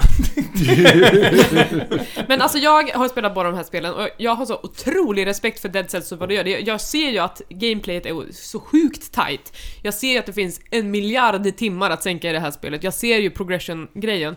Men den funkar inte för mig just för att jag är inte en roguelike spelare jag är inte riktigt den här sortens Soulsborne-spelare som gillar den här svåra combaten. Eh, så jag har jätte, jättestor respekt för det, men för mig så har Spider-Man varit den bättre spelupplevelsen i år. Jag hade otroligt mycket problem med eh, Spiderman. Jag tyckte om storyn, men det fanns så mycket hinder på vägen som de här pusslerna, de här smygmomenten. Eh, där kan vi prat, prata om liksom plottrighet i världen, alla de här jävla ryggsäckarna och sånt som Mm. dyker upp. Jag tycker det är verkligen inget dåligt spel tycker jag, men jag tycker folk liksom överskattar den här svinga känslan. Jag tycker den var jättetuff i Där håller jag början. inte med dig. Men jag tycker att när du väl liksom tänker efter så är det liksom bara en knapp du bara sitter och trycker på hela tiden. Och du blir, du blir väldigt trött efter ett tag. Jag, jag, jag kommer på mig själv håller på att teleportera genom den där staden så Jag mycket delar jag kan. inte den åsikten. Nej, det är inte konstigt. Eh, Jag har då just nu eh, spelat Spindelmannen ganska flitigt. Mm. Eh, eller Marvels Spiderman. Eh, och jag tycker att den här eh, swinging-mekaniken, igen, nu går jag... Det här sa jag redan tidigare på Thieves, men resan är målet. Jag tycker det är underbart skönt att svinga sig genom New York. Jag har sett att många blir ganska trötta fort.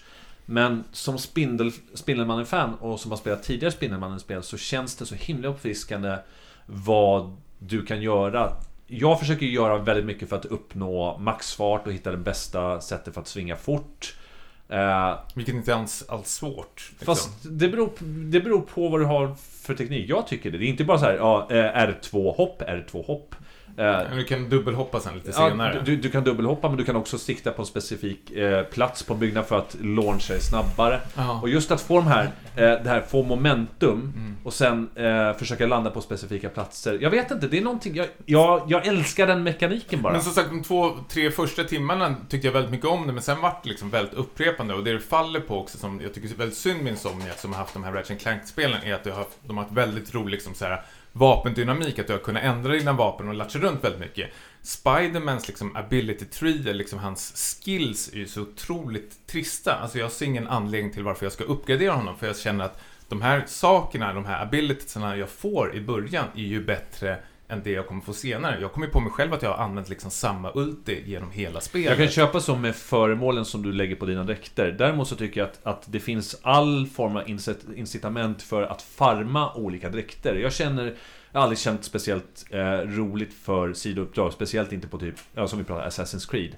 Men här i Spindelmannen så känner jag plötsligt att eh, det finns en, en bredd i eh, fighting-systemet som gör att jag kan skapa varierade attacker Men också en anledning att överhuvudtaget göra uppdragen för att jag verkligen vill ha Spindelmannen 2099-dräkten eh, Jag vill ha Comic-dräkten eller Scarlet Spider För att jag som gammal Spindelmannen-fan eh, får, Jag har en investering i det så att kanske är det att jag är väldigt eh, biased för att jag är ett Spindelfan men Men jag tyck- tycker, och, och just för att adressera eh, talentträdet. Jag håller med dig att det är lite, lite ensidigt och det är inte så här jättemycket som tillkommer combat-wise. Men det är också, jag tycker att det på något sätt är bara som en, en sink för att motivera att göra sidouppdragen och alla tokens som finns utspridda på kartan. Så på ett Mm. sätt så tjänar det ett syfte. Jo, men jag tycker att du använder samma attacker och allting genom hela spelet från början till slut, liksom till end credits. Om du jämför till exempel med Batman eller God of War, där det liksom, du använder vapnet för att liksom lösa pussel eller något liknande för att komma vidare i spelet, att du utvecklas. Men jag känner att jag gör samma attacker konstant. Nej, jag insåg att. God of War förmodligen är kvar i den här listan. Wow! Och att spelet tvingar en genom de här, för det fanns ju sidouppdrag att man kan göra sådana här pussel som jag kände så här, gud vad skönt, de här vill inte jag alls göra, då skiter jag i dem. Och sen kommer jag vidare i main mission och säger så här, nu måste jag göra de här pusslen. Och jag är så här, jag hatar de här, jag vill inte, jag bara satt och skrek åt de där jävla pusslen. Sen när Men jag tycker det är på sudoku-nivå, men jag gillar det för jag känner mig, jag har alltid känt Jag mig lite tyckte så också att pusslen var kul. Ja, jag har känt mig lite korkad genom hela det, men här sitter jag plötsligt, fan, jag klarar, jag klarar fysik, grundläggande fysik. jag är, Det jag är briljant. inte fysik. Nej men det är så jag, det är så jag känner mig, jag bara beskriver, jag bara beskriver hur jag känner mig. Däremot så tycker jag att de här uppdragen med, med Miles Morales och, och Mary Jane är ju fullkomligt bedrövliga. Ja, de, det, är ju den svagaste delen i Ja, spelet. det är den absolut svagaste länken. Ja, Ja. pusslerna tycker jag är Men- men- svintråkiga, de känns väldigt fantasilösa. Storyn superslimmad. klart. Jag tycker, Superslimmad. jag tycker jättemycket om storyn i Spider-Man, jag tycker Mm. om känslan av att vara Spider-Man. Eh, det, det, det liksom är den ultimata Spider-Man-upplevelsen för mig. Och att det dessutom har kommit tillsammans med den här Into the Spider-Verse-filmen, alltså det här, det här Spider-Man-året är Nej, ju men jag börjar komma in på sluttampen nu, för jag vet att det står ju, jag är inne på 80% a- avklarat. Och jag sitter ju bara och skriker av lycka när jag ser vad, vad det har byggt upp till. Mm, Vad, man, vad ens karaktär har hjälpt med att bygga upp till. mm, Och nu får jag någon slags utdelning där de bara öser på allt från hela spindeluniversumet. Och det är en, den känslan är ju fantastisk. Jag får gåshud bara jag tänker på det. Men, Men är, den det, är det en story för insatta? är det en story för insatta egentligen? Svårt att säga. Mm. Och det är synd för Dead Cells är ett jättebra spel också. Ska jag säga också. Va- Får du någon känsla Niklas? Alltså- jag tänker att vågmästarrollen verkar ligga hos dig här igen. Alltså, Per övertygar mig gång på gång. Så här. Ja, men, Han- han från klarhet liksom- till klarhet! Jag känner den här glöden som han liksom bara Ja. sänder ut. Dead Alltså- Cells, jag vet inte, Tommy skrev till mig häromdagen att han hade pajat sin switch för att han blev så arg på Dead Cells. Jaha!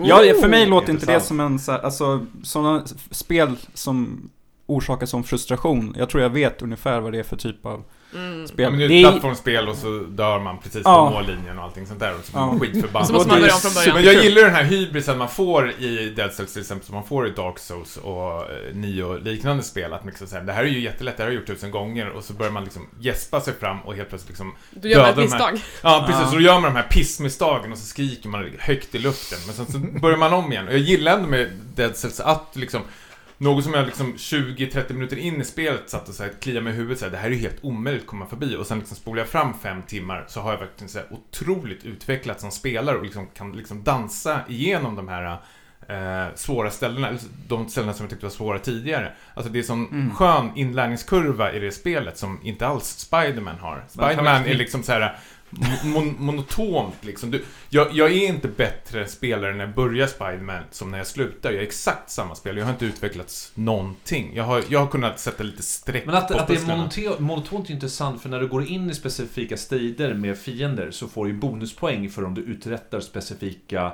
kombos. Till exempel Ja, och de är näta tre mot väggen. Det är ju hur lätt Ja, fast det är fortfarande skapar variationen att försöka använda det breda... eh, Jag tycker... Jag Ja, men det blir så upprepande liksom. Men Alltså, jag det- håller inte med för dig Tommy, för att jag kände att jag absolut blev en bättre Spiderman-spelare. Alltså, jag, jag kände att jag kunde ha klarat det om jag bara hade gjort samma sak hela vägen igenom. Jag hade, kunde absolut ha gjort det, men jag valde att testa nya saker, uppgradera skillträdet, lära mig att slåss på ett annat sätt för att så jag, jag tror att den kraften kanske måste komma inifrån. Mm. With great power comes great responsibility. Nej, förlåt, förlåt, förlåt, förlåt. Jag ska aldrig göra så igen. Nej. Um, Eh, ja, men är det Spiderman som går segrade ur den här duellen? Är det så Du hade ju hatat lägger du Spiderman, ord i mina mun här? Nej, Niklas Det är hade. Niklas hade ju Ja, avskytt det. Hade du gillat... Varför har du inte spelat Spiderman? Alltså jag, jag känner ju inte för något av de här spelen om jag ska vara ärlig. Men jag, jag tror att alltså Spiderman skulle jag säkert kunna liksom glida igenom ändå och ha en ganska skön upplevelse. Jag tycker att vi ska syna Spiderman, men jag tycker inte vi ska göra det nu kanske. Kanske Nej, det kommer säkert komma en tuffare fight längre fram. Men, eh, jo men jag, jag kan nog välja Spiderman ändå här. En suck av besvikelse. 3-1 till Spider-Man helt enkelt. Jag ska Är det Tommy in som är i underläge den här Gotipodden? Det, det, Man det, brukar komma det, starkt på slutet. Det kommer, det kommer kan jag säga. Och eh, Oj, oj, oj, oj. Då hoppar vi till en helt annan typ av matchup här. Där Deltarune möter The Hex. Oj, oj, oj. Oj, nej, oj, oj. varför, Två varför, metaspel. varför de här två mot varandra? Varför? Nu blev det så. Nu är det så. Varför sidar du så här? Alltså jobbigt år ändå. Nu har jag och Per pratat rätt så mycket så Niklas och Elisabeth som har både spelat Hex och Deltarune. Niklas Jag har håller spelat. Deltarune, men ni två har ju spelat de här. Jag har inte spelat Undertale heller, så jag har liksom ing- eller jag började spela Undertale. Mm. Och jag förstår inte riktigt varför jag inte spelar klart det. För jag är ju så här, indie-kungen har vi konstaterat. Ja, det, kan, kan vi få en så här, eh, bara en 10 sekunder vad de här spelen är för några? För de här den som inga- inte har spelat dem, för de är Exakt, ju för, lite... för jag satt och funderade på, alltså nu vet jag vilka det här är, men det var inte så att jag direkt visste så här från minnet bara, ja men det är Hex. Deltarune är alltså den eh, uppföljaren till Undertale av Toby Fox, någonting som han har utvecklat i hemlighet i säkert var 4-5 år. Eh, han det här är första kapitlet av ett längre spel. Det har han varit väldigt tydlig med. Han kommer försöka, jag vet inte, kickstarta tror jag, eh, resten av Delta Rune, att det ska bli en längre sammanhängande story, men jag tycker ändå, för mig så fick det vara med på min lista för att storyn är avslutad eh, i kapitel 1. Eh, och jag vet inte, det, det går ju väldigt mycket i samma nerv som Undertale och jag tycker att det är så otroligt imponerande av Toby Fox att han har eh, behållit samma charm, samma innovation, samma känsla och kunna göra, han var inte en one trick pony, han gjorde det igen liksom. Det är det som är så sjukt med det här spelet. Att, att han inte, det var inte lucky strike att han gjorde typ det bästa indiespelet någonsin, utan det, det är ju han, han är ju världens mest talangfulla människa i historien. Eh, och apropå One Trick Pony, så Ja. gjorde ju Daniel Mullins Pony Island följde upp det med The Hex, Ja. som var kanske om möjligt ännu jät- starkare. jättebra uppföljare också. Alltså jag, jag tycker jättemycket om det Hex också. Ja, det är ju liksom en så här, ett pärlband av liksom spelgenrer från tidens begynnelse då i princip, där de skärskådar. Hommage-spelet ja, där är de här äh, figurerna som går igenom massa det? spel. Sju spelkaraktärer går in i en bar och sen så ska man spela sig igenom deras backstory. Just Och det. de kommer ju från olika spelgenrer och eh, det, här ska ju resultera i ett mord vid... Mm, vid kulminerar i ett mord Precis. förhoppningsvis. precis. Eh, och det är ju också så här, det är ett otroligt steg från Pony Island, uh, The Hex också. Ja, alltså man känner ju igen greppen. Alltså det är samma te- tematik. Den här meta-aspekten är ju liksom väldigt påtaglig hela tiden. Ehm, tycker kanske att Pony Island var en mer så här, ett, som ett slag i magen på ett skönt sätt, men att uh, The Hex är en otroligt värdig uppföljare och eh, väldigt lekfull. Man vet inte riktigt så vad som kommer komma härnäst, man vill alltid vidare på något sätt. Eh, Det är här lynchigt mardrömsslut i det också. Otroligt, Otroligt mörkt slut som fortfarande hemsöker mig. Det är ju det som är, det tycker Wow. jag är problemet med The Hex är att man under de första fem timmarna undrar vart fan är det här på väg? Och sen så när man kommer till slutet så bara BAM! Okej, nu fattar jag grejen, nu blev det bra. Men det är ju det att man måste ta sig igenom de här fem timmarna av vad, vad, är det, vad är det vi är på väg någonstans? Vart är vi på väg? Eh, som, Ja. Så att den ovissheten eh, tyckte jag var lite svag, medan i Deltarune så hade jag den här konstanta känslan av determination och fluffy boys i min mage. Eh, som Men är Deltarune liksom något, känns det som ett nytt fräscht spel eller är den, det bygger vidare på Undertale? Det bygger vidare på Undertale i det att det är i samma värld. Eh, det, det är ju en, en spin-off i samma värld, så att det är ju mycket som kommer igen, men samtidigt så har eh, man lyckats uppdatera konceptet som gör att spelet känns nytt och fräscht i och med att man har battles som är för flera spelare. Ehm, är är det, så här, det är inte ett multiplayer-spel, men du har flera karaktärer i ditt party som du måste jobba med. Och vad händer när en karaktär i ditt party bestämmer sig för att eh, utöva våld när den inte ska göra det? Eh, alltså, Mhm. det är svårt att eh, inte spoila det här spelet, men jag vet inte Per, help me on this Ja, one. det, det, är, det är svårt. Jag tycker att det som är kul... Eh, jag jämförde det här tidigare i podden att jag tycker att det är som att man är tio igen och får en uppföljare på sitt favoritspel någonsin Mm. och, är, och bara bestämmer sig för att det här spelet ska jag älska. S- strids... strids eh, vad heter det? Fighting, fighting scenariot, eller när man slåss, Mm, känns ju väldigt fräscht utifrån Undertale. Eh, Undertale. Och det är väl det här spelets svaghet att det måste jämföras mot Undertale. Mm, för det är ju en uppföljare. Ja, och det står... Jag är extremt kluven för det här, men jag, jag Mm. tycker fortfarande väldigt mycket om Deltarune, jag hade med det på min lista. Mm. Eh, och det, det är kul, som du säger, att involvera fler spelare nu med den här... Eh, inte, inte Bullet Hell är väl fel eh, uttryck. Det är ju lite Bullet Hell blandat men, med annat. Bullet Hell i mikroformat. Mm. Eh, och att det får en större betydelse. Så det känns som en naturlig uppgradering på ett sätt. Men det finns också en filosofisk skillnad mellan Undertale och Deltarune och i Undertale så handlar det väldigt, väldigt mycket om att dina val kommer påverka allt som händer i det här spelet. Men i Deltarune så är det tvärtom. Det du väljer spelar absolut ingen roll. Det är ju liksom det första spelet säger till dig. Du måste gå med på att allting som händer här är bortom din kontroll. Och sen så ger den dig olika, eh, liksom olika små morötter liksom så här, här vill du försöka förändra det här? BAM! Det får du inte, för att du har gått med på att det ska vara så här. Ändå lyckas Toby Fox på samma sätt med Undertale att bryta spelets regler. För Mm. mig, jag har aldrig varit med om att ett spel någonsin har stängt av sig själv. Nej. Vilket jag tyckte var jättestort. Och bara det här... Så eh, Pony Island gjorde det också. Ja, då ska du spela på Ja när men in, in, inslaget av när, när jag sitter där och ska skapa min, min karaktär i Deltarune och har gjort allt, alla förval allting bara Nej, det betyder ingenting. Ja. Det, samma så här, mind, då fick jag samma mindfuck som jag haft med, med Undertale. Men efter det så eh, tycker jag att eh, man har så himla stora förväntningar på, på att Deltarune ska vara nästa Undertale. Mm. Oavsett vad Toby Fox säger. Mm. Och det tycker jag gör det väldigt svårt Att vara för Deltarune att stå på egna ben. Jag tycker, vad här, och när jag spelade så var jag, jag var väldigt så här, oförberedd på vad jag skulle förvänta mig, men jag tycker ändå att han... Det är inte samma slag i magen som Undertale var när det kom, att det var ju en solklar etta för mig då. Men, och det är därför Deltarune ligger längre ner på min lista, men jag tycker absolut att han liksom gör en uppföljare som är värd namnet. The Hex gav jag full poäng på min recension i PT Spel, men när jag tänker på det så känner jag att jag var så otroligt klar med det efteråt. Jag bara, jag vill inte röra vid det här spelet igen medan Undertale och Deltarune är en värld jag vill dröja mig kvar i också. Så att jag tror att jag väljer Deltarune här, i den här duellen. Alltså jag tror, jag har ju varit på det Per lite att du skulle spela The Hex, för jag tror att du verkligen skulle uppskatta Ja, det. det Just eftersom att det går igenom alla de här genrerna som jag vet att du som har spelat, eh, ja sen NES-tiden då antar jag, liksom, du kommer säkert känna igen dig väldigt mycket och liksom nicka instämmande och också liksom eh, Också att det tar upp sig lite nu, mer nutida trender som, jag vet inte, det, det kan bara dyka upp en sån här referens till PUG helt plötsligt som bara kommer från ingenstans. Nu har jag spoilat det för folk som vill spela spelet men så är det. Jag tycker jag sitter i en jättejobbig sits också, för som du säger, du har rekommenderat det här spelet till mig. Eh, det som bär mig emot är att jag inte helt eh, attraherad av spelstilistik. Jag tycker att... Nej men eh, det måste du nej. åsidosäga, det är Ja. verkligen inte det det, som är det är grejen. en av de få minuspoängen också. Samtidigt får jag också bära med mig att Niklas nu har backat upp mig i två av mina mest betydelsefulla spel. Ja, Så är det så? Det är inte dags att pakta än, du måste spara de här men jag, jag, favörerna. hade, jag hade mått väldigt dåligt. Däremot så, så här, jag är fortfarande väldigt... Jag, när jag gick in i det här, jag var inte ens beredd på att kunna ha med Deltarune på min lista för att jag antog att det här spelet är inte, det är inte färdigt, jag kan inte ha med ett kapitel. Uh, och jag är, det här, jag är väldigt, väldigt kluven för det här. För att jag, jag gillade Deltarune, men jag tycker att ah, Det är någonting som... Jag tycker Deltarune låter som början på något stort. Ja. Alltså Mm. någonting som kommer komma framöver medan Mm. The Hex är ju liksom ett fulländat. Ja, det, liksom, det är det. liksom komplex, eller komplett menar jag. Mm. Komplex också kanske.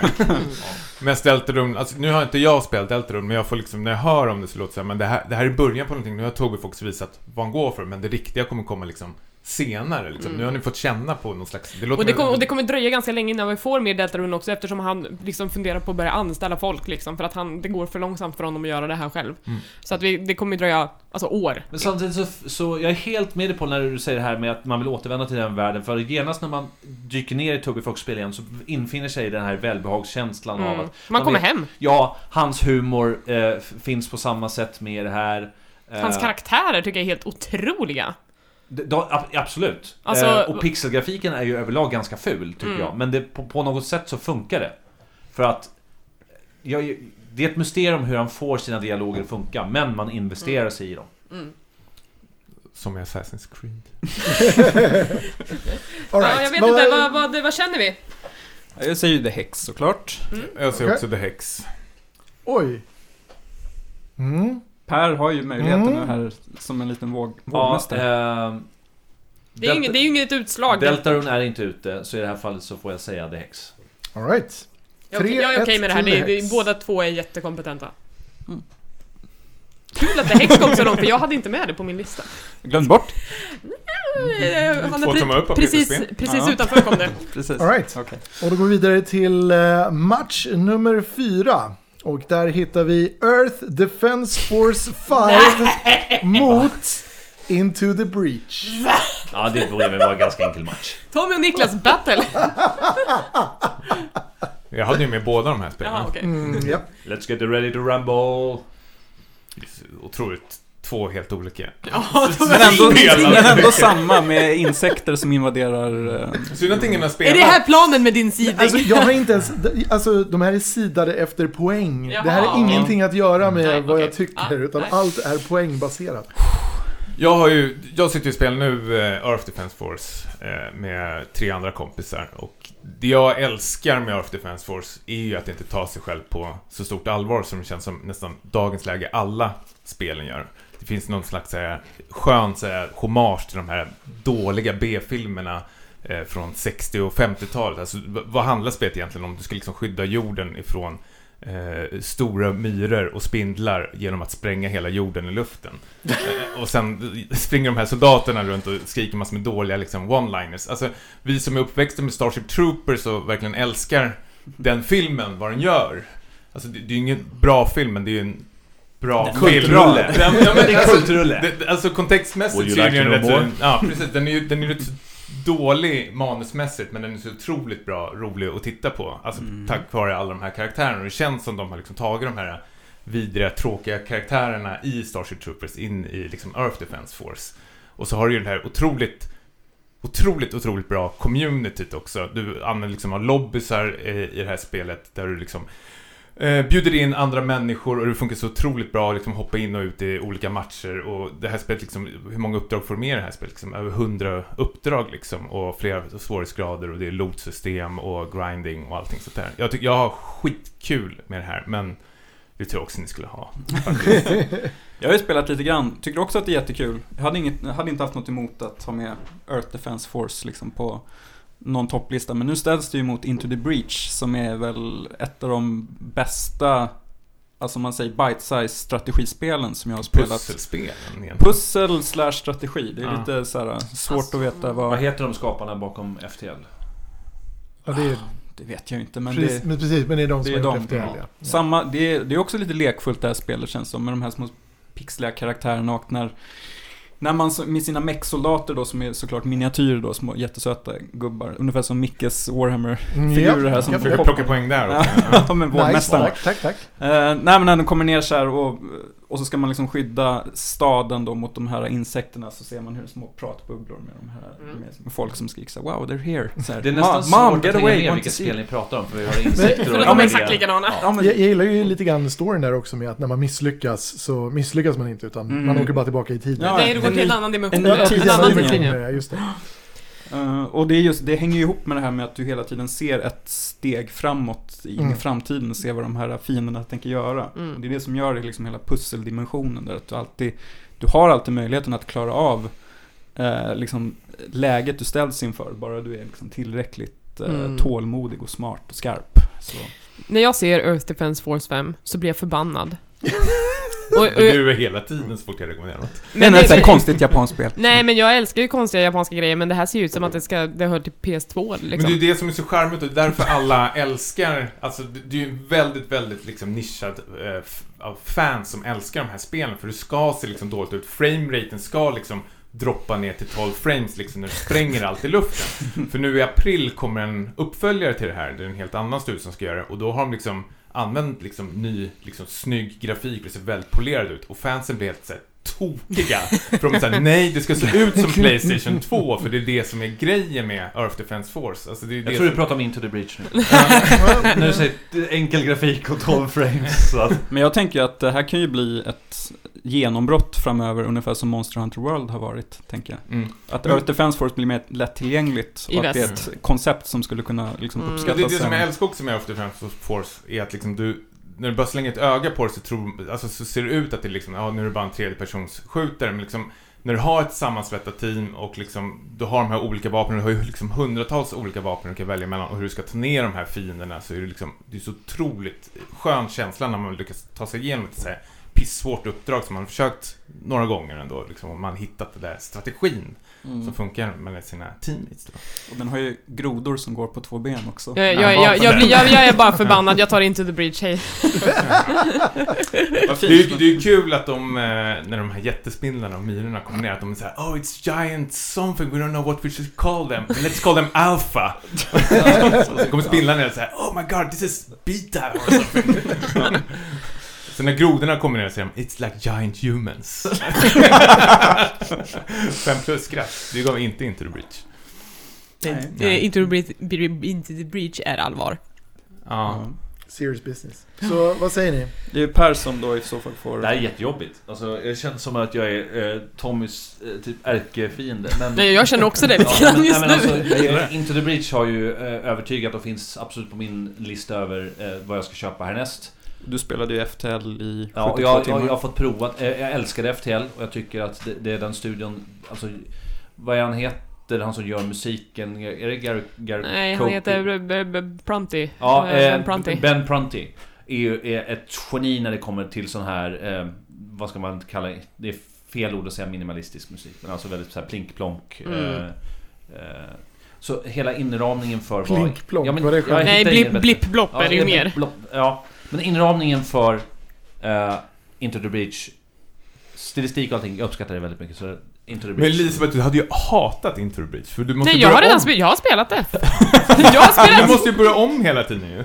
Ja, det är Du hatar ju därför... sådana Det är där därför, det är här därför jag ju- inte spelat det så mycket. Jag har ju spelat ungefär lika mycket Into the Breach som Dead Cells och jag tycker att de är otroligt kompetenta spel, men jag blir ju aktivt arg av Earth Tommy. Defense Force 5. Tommy, she never fails.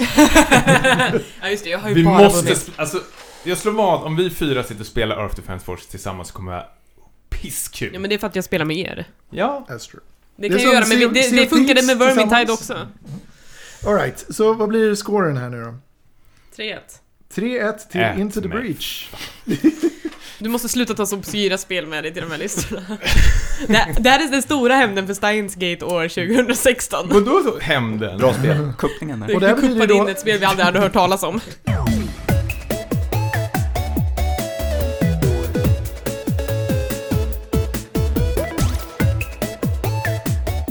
Nu mina vänner, det betyder då att runda 1 är klar.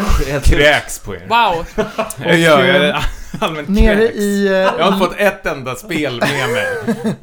Speaking of det, eh, nere i Losers Bracket hittar vi Assassin's Creed Odyssey, Mm. Dead Cells, Mm. Deltarune och Earth Defense Force 5. I runda två däremot här uppe så ska ju nu spel slåss mot eh, de som direkt kvarat, det vill säga giganterna. Och sen ska de putta ner dem nu i Losers Bracket och sen är det dags för dödsmatcher. Och då är det dags för det första matchen i runda två. Nu är det giganten mot eh, underhunden. Det är Sea of Thieves mot God of War 3. Oj jävlar! God of War Tre. 3. Fyra är det väl? Fyra! Det är helt okej. Helt okej med tre. Och det, heter bara God of War. Oh shit, jag skriver God of War menar 3. du? Men okej, God of War. Eh. God of War 3 och fortfarande ganska bra spel. Jag tycker att God of War är så otroligt överskattat så jag kan lägga min röst på Sea of Thieves här. Jag vill, jag vill, jag vill att God of War ska ut ur den här listan helst av allt. Det, det, det, det, här var, det här var otippat. Jag tycker att det Du har är... gått God bakom War, min rygg Niklas, jag tar också Sea of Thieves. God of War är så otroligt överskattat. Det är ett spel som, som är bra i förhållande till sin egen serie, men som spel i sig så är det... Ja, det är ett bra hantverk, men det är inte så jävla kul att spela. Eh, jag hade jätte, jättetråkigt med mycket av gameplay-delarna och pusslerna. Eh, alltså, Here, svintråkigt. here. Here, du tittade ju på den här streamen och hyllade det sa du. Så att, Ja, du älskar ju det här spelet ju. I förhållande till Sea of Thieves, nej. Ja, vad ska man börja? Nej men... ehm, Ingen press. Niklas, kommer du plocka upp God of War igen? Hur många timmar har du lagt på God of War? ja, hur lång tid tog det att klara? Vad kan det- 25-30 timmar kanske? Det Kom. fina med God of War är att berättelsen är ju slut där. Och är det fint? Jag Att tycker den, det är, den är slut? Ja, det var det är bästa. Det var det bästa som hände, att det tog slut. Jag tycker det är underbart i en sån här tid där det liksom bara pumpas ut så här DLCs till den här Spider-Man då till exempel som eh, kom, kom, kommer liksom så här, eh, känns som så här bortklippt material som eh, kommer i efterhand. Ja, Känns men det i ju- en begränsad eh, era så är ju Sea of Thieves tidslöst. Ja just det, det är Sea of Thieves det battlar mot.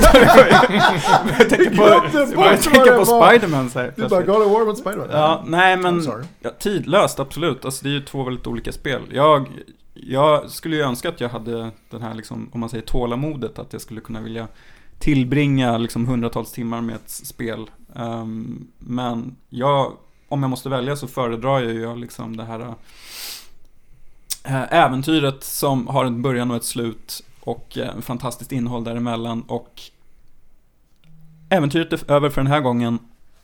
Om fem år så ses vi igen i God of War 2 och Nej, det kommer bli fantastiskt. Nej. Varsågod.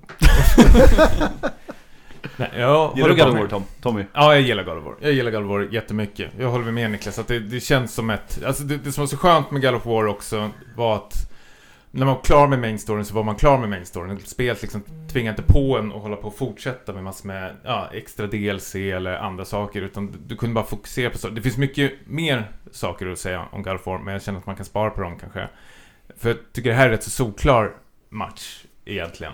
När du möter Sea of Thieves som jag vet inte, som, det, det känns... Thieves för mig är superdammigt jämfört med det här. Alltså, det, det, det händer ingenting för mig. Det låter jättefint när du beskriver det, men när jag väl sätter mig framför det så är det liksom... Jag är på en jävla båt.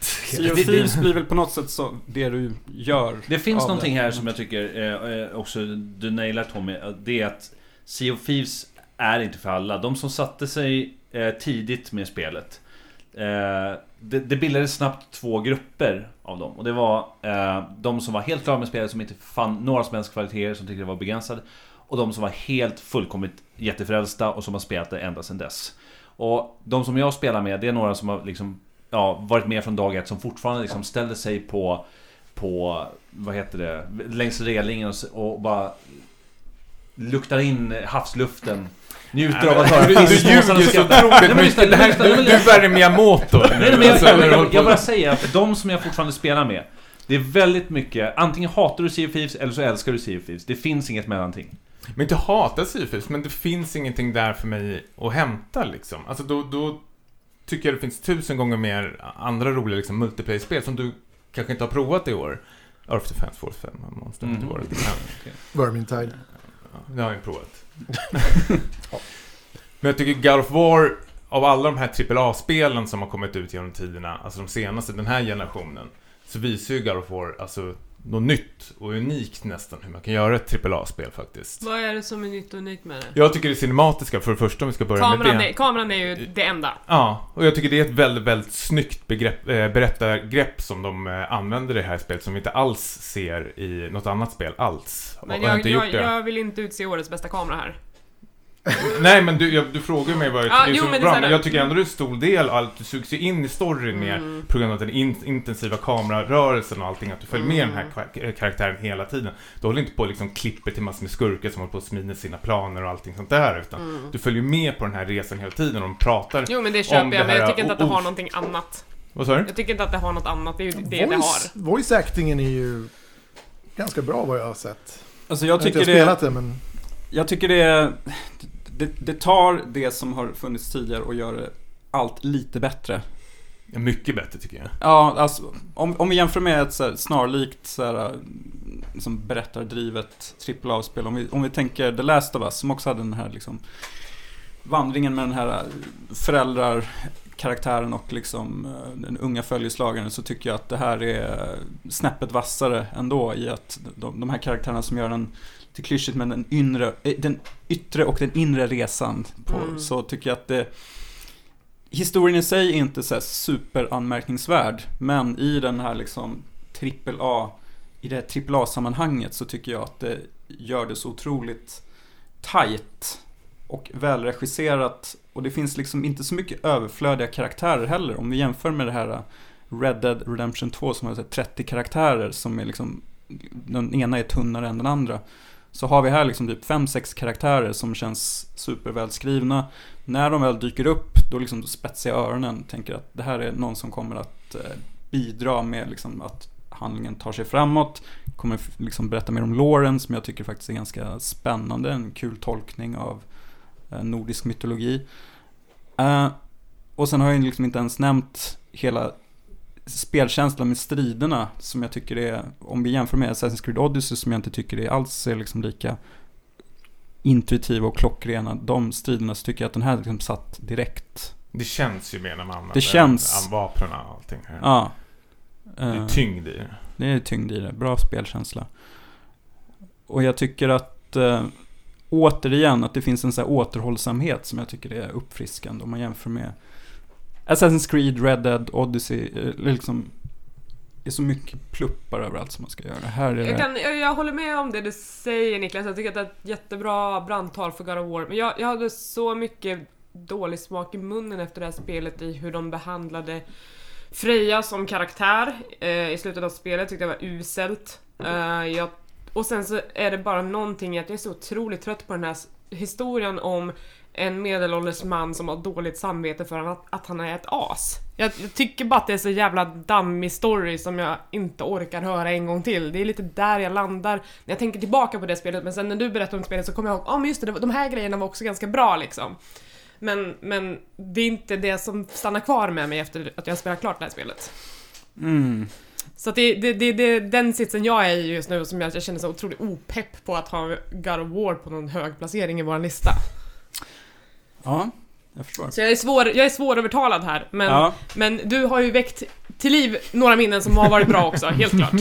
jämfört med alla dina Sea of Thieves-minnen. var- Ja, just det, jag, har, jag har två Sea of Thieves-minnen, jag har inga, men jag, är- jag är mer att jag är så här, jag, jag kommer vara Pers bro i det här. Jag vill inte vara Kratos bro eller boy Jag eller sitter, någonting. alltså det är trist här för jag tycker Elisabeth har fört en så bra eh, talan av det här i alla fall. Eh, så jag fortsätter att Så du vara... ändrar dig till... Jag har definitivt inte ändrat mig. Eh, jag tycker att God of War som Niklas är inne på, det finns två styrkor som jag gillar. Och det är eh, världsbygget, vad de har gjort med eh, den nordiska Ja, mytologin. jag håller med, det är, det är jätte, jättebra. liksom den detaljrikedomen i hur de har gjort allt från till hur de har tagit vara på den nordiska mytologin i, i runor och i mi- miljöer i eh, extremt snygga, men det liksom räcker inte för att eh, ändra eller övertyga mig om den kärlek som jag känner för, för, för Sea of Thieves och det fantastiska narrativ som Sea of Thieves faktiskt har. Eh, för det är en helt annan typ av berättelse. Det det. Eh, det skapar hela tiden något nytt för mig. Eh, och den här oberäkneligheten som jag får varje gång jag startar spelet. Jag vet aldrig hur... Jag kan, dagen kan sluta med att jag är superbesviken på vad som har hänt. Eller att jag har slagits mot ett sjömonster och vunnit alla skatter i hela världen och blivit jätterik. Den här ständiga oberäkneligheten slår alla dagar ett liksom, fast linjärt narrativ för mig. Men nu står vi här då och har ju en deadlock. Ja. Ja, och Vad jag vet vad nu? Micke tycker så att... Well, då ska jag då symbolisera folkets röst. Nej, det ska du inte. Folket har ingen påverkan på Vi den här skiter listan. folket. Det är en Twitter-poll här som man har eh, dragit igång. Jag, säger så här, jag har, ing, så här, jag har inga egna bra erfarenheter av Sea of Thieves. Jag har prövat det, jag prövade beta, jag har inte spelat det. Men allt där i var rent ut sagt bajs. Plus så har jag en Bajs! fobi mot djupt vatten, vilket gör att eh, det är inget spel jag plockar upp. Det är samma, det finns jag, kan, samma du, du, du åker ju kanot i, eh, i God of War så jag förstår inte problemet. Jag har inte spelat God of War heller. Det Det som är bra med God of War är att vattennivån sjunker hela tiden, så det blir ganska grunt på Ja, slutet. fuck. Det, well, jag bestämmer själv varför jag inte spelar Subnautica. För att, well, it's scary as fuck för mig. Men, eh, men i alla fall. Jag har dock haft ganska kul när jag tittar på streams när folk kört det. Alltså det är ju roligt när man ser folk spela det tillsammans, vad de gör för några grejer. Och typ så här när de undviker att det kommer så här folk och ska Men sno det är ju deras för att det är olika Och, sorters spel, det är ju det. ja, och sen är det också så här, gillar jag det för att jag, alltså så här, gillar jag streamen för att det är spelet eller för att det faktiskt är streamers jag Ja, tittar det är på i personerna vanliga man tittar fall. på, precis. Och det är nog för att det är de personerna jag tittar på. Inte Jag för håller inte med, men mer om det här i lower bracket senare. Detta är ett av mina sista trumkort. Ja, ja. Är, det, det God of War som vinner den Det här är God of War som, som vinner. Och då hoppar vi raskt vidare till nästa runda. Det här, det, jag älskar det här formatet för att det blir så absurda matchningar här. Och de här nästa som kommer är helt crazy bananas de tre här. Vad är det som händer? Varav den första är Spider-Man som då klodde Dead Cells. Som får nu fightas mot Return of the Obra Dinn. det är nästan samma spel. Ja, Där. Obra Dinn är ett spel som jag... Det är det spelet som jag var orolig för när jag gick in i den här eh, poddlistan som vi nu ska göra här ikväll. Eh, och det är för att när Tommy och Niklas har spelat och live postat sina reaktioner så inser jag, åh nej, de hatar det här spelet. De är inte tillräckligt smarta för det här spelet! Wow! Eh, nej men alltså, Return of the Obra Dinn, jag hade så otroligt kul med att klura i det här eh, spelet. Man, eh, man får vara detektiv på ett sätt som inte eh, langar över alla svar som alla andra detektivspel någonsin har gjort, utan där är det liksom så här, här är den här ledtråden, den här och den här. Och vad är svaret? Jo, det är det här. Alltså det är, andra spel har ju verkligen bara levererat svaren när det kommer till att lösa olika mysterier. Men det här spelet är verkligen att man måste tänka otroligt mycket själv. Man måste vara Sherlock Holmes i de, det här sammanhanget för att förstå någonting. Och jag älskar det. Jag tycker att det har varit svinkul. Du måste kunna chans, eller så här, det är lite så här sudoku, du ska liksom utesluta vissa scenarion och vissa personer och sen handlar det om att chansa en del också. För Mm. att, Lite som Spindelmannens pussel. Ja, det är på den nivån tycker jag på det här spelet nästan. mm, nej, nej, men, nej, men ja. Det här var ju mitt första och enda spel i år som jag refundade. är det sant? Ja. Ja, och min fru såg emot det här otroligt mycket och tänkte det här blir väl lite mysigt att vi ska lägga lite pussel. Och spelet bara säger åt oss att vi är fel och vi får inte liksom njuta utav det, det vi vill njuta utav. Utan spelet säger så här, men nu ska vi fortsätta hit. Alltså det känns som jag går med ett så här dagisbarn på någon jävla lekpark som man liksom börjar leka med en grej och sen spelet, säger spelet så här, nej men du får inte vara här just nu, vi, vi, vi skiter i det, vi, vi, vi går vidare här nu, vill jag leka med det, typ så här. Och då måste du följa ner till nästa mysterium. Alltså du börjar ju spelet med att du kastas in i liksom fem olika liksom så här scenarier. Och jag fattar inte varför spelet liksom, det presenterar ett scenario och man känner så här, det här, det här verkar jätteintressant. Nej, du får inte se mig mer och så blir det den här äh, Looney Tunes-grejen, att det blir en jävla cirkel som liksom slukar ihop. Och då är det så här, nej men du får inte se det här längre, utan du ska gå vidare till nästa grej nu. Och sen när jag har alla de här fem olika liksom, så här, scenarierna framför mig, och då blir jag så här, va, va, vart ska jag börja och varför? Visst, det är liksom upp till mig att liksom lista ut det, men liksom jag bara känner någon jävla så här, stor frustration och spelar liksom så här stressar mig framåt i början som bara den och jag, jag kände att nej, jag pallar inte, min fru var ju förbannad och bara lämnade och gick till eh, köket och gjorde något helt annat. Så jag bara, ja men då skiter vi i det här då. Och så refundade jag. Och så satt jag och tittade på liksom en playthrough. Och då sitter jag och tittar på två stycken playthrough och känner att jag måste ändå ta mig igenom det här för jag är ändå nyfiken vad det är som händer. Och det är ju två killar som sitter och killgissar sig igenom hela spelet. Och de är såhär Oh, this might happen explosion. No, no, gunshot. Och så, så håller de på att ändra på sina... Det känns som liksom alla som har löst de här fallen när jag tittar igenom streams och allting ingen vet ju, alla är liksom så här, typ det här händer, nej det händer tydligen inte. Ja, ja men då händer det här, att man liksom så här bläddrar i den här katalogen. Jag vet, jag tycker det är, tanken är god, tycker jag med Obradin, men jag tycker liksom, jag, jag hade pisstråkigt, jag känner mig superstressad när jag sitter och spelar det. Mm. Otroligt stressad. Jag fattar inte varför jag inte kunde få ett case i början och titta på det och sen välja själv när jag vill gå ut ur det. Utan Mm. att spelet liksom ska liksom, nej du får inte titta utan nu ska du vidare hit bort. Och liksom, sen har jag liksom, vi pratar om liksom eh, Red Dead Redemption, alla de här karaktärerna. Här är ju samma sak, helt plötsligt har du liksom 30 karaktärer. Nej, du har som så här- 60 stycken. Ja, men i början har du ju det. Mm. Sen blir det mer och mer och mer. Mm. Och det, redan där blir det liksom så här. Men jag tror att problemet där är att du måste acceptera att du har inte alla svar från början heller. Att du, det, det är ganska få svar som levereras inom spelets fem första timmar egentligen. Mm. Det, det bästa faller ju på plats i slutet. Alltså, du det- sa ju att du vart ju provocerad av vårt liksom, eh, Messenger-meddelande. Jag vart ju provocer- otroligt provocerad när Niklas frågar hur man hittar liknande. Du sa, ah, jag råkade titta ut och så var det någon som föll där. Och jag är så här, jaha, okej, man bara så snubblar över vissa saker. Mm. Och det känner jag typ så här, nej, det vill inte jag vara med om. Jag vill inte snubbla över saker. Nej. Men, men jag tror man måste kanske ha den där uh, upptäckarlustan som är att jag vill gå igenom varje vrå av det här skeppet för att förstå saker. Alltså det var ju det som drev mig till att gå runt och titta ut genom alla fönster och sådana grejer. Mm. Och, var- och även gå igenom alla scener om och om igen för att jag ville få, få en så här komplett överblick över vad hände i det här, den här timmen liksom. Ja, och det låter jättebra, men det är så framstressat alltihop Det, det, det är väldigt förvirrande i början, för jag hade också, för du spelade ju först och sen Mm. satte vi oss ner tillsammans och började så här, och det var så här, vad händer? Och så är man inne där och så hoppar man in i nästa, nästa, nästa lik och så här, det, det bara, man, det, men när man väl har dem där färdiga, då är det så här, okej, nu kan vi gå, nu kan vi börja jobba. Och då är det så här, vad hände först? Och det här hände det. Mm. Det exploderade någonting. All right, då var de här personerna där. Vad hände under däck då? Så att det var mer så här, Men man- varför, varför får jag inte välja tempot själv? Alltså det får du göra när väl, när väl scenerna är uppspelade. Mm. Då, är det, då får du liksom... Det är då du får då- börja då du göra det. Jag känner, jag känner att det är en dålig PT som står framför mig, liksom hetsar mig Ja, jag är olika så här- så här, övningar. jag Och sen kan- säger han så här, nu ska du göra om allting, typ. Men så här, jag håller med om att det är ju det sämsta delen med Ja. spelet, absolut. Men det drar inte ner det så mycket för mig att jag vill refunda spelet. Utan det är så här: okej, nu ska jag bara ta mig igenom den här lilla vignetten som han har byggt här. Eh, för att han tyckte att han var duktig i sin lilla spelmotor. Och sen Ja. så, nu är det slut, nu kan jag börja jobba liksom. Det är en sak också som, som jag stödde mig på, det var att jag blev ganska åksjuk av spelet. För att man så här, det är ju ingen så här känsla i när man går, utan man bara glider fram med kameran och att är den här äh, monokroma färgen hela tiden.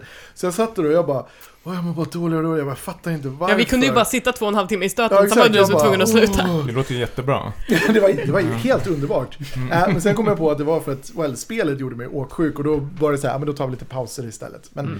alltså, jag tyckte det var lite så här CSI-aktigt så här, och speciellt belöningen kom ju när man knäckte den här, man, det går ju ut på typ så att man ska ta reda på tre stycken och då får man en belöning utav så här, ja du hade rätt, Mm. tre stycken var det.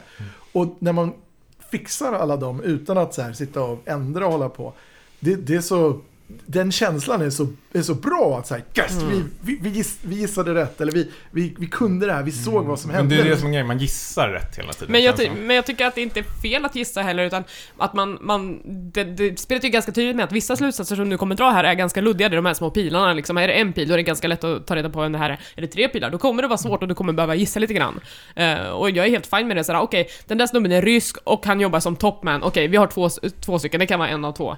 Eh, och då tycker jag liksom att det var inga problem att gissa med de Nej, grejerna. det, det var mycket också så här, det, var intressant för att helt plötsligt i mitten av spelet så var vi tvungna att börja lyssna på folks dialekter. Mm, Att så här, vänta lite, den där snubben är, han är svensk. mm. Och då var det så här, okej, finns det någon svenska med? Ja, det finns en!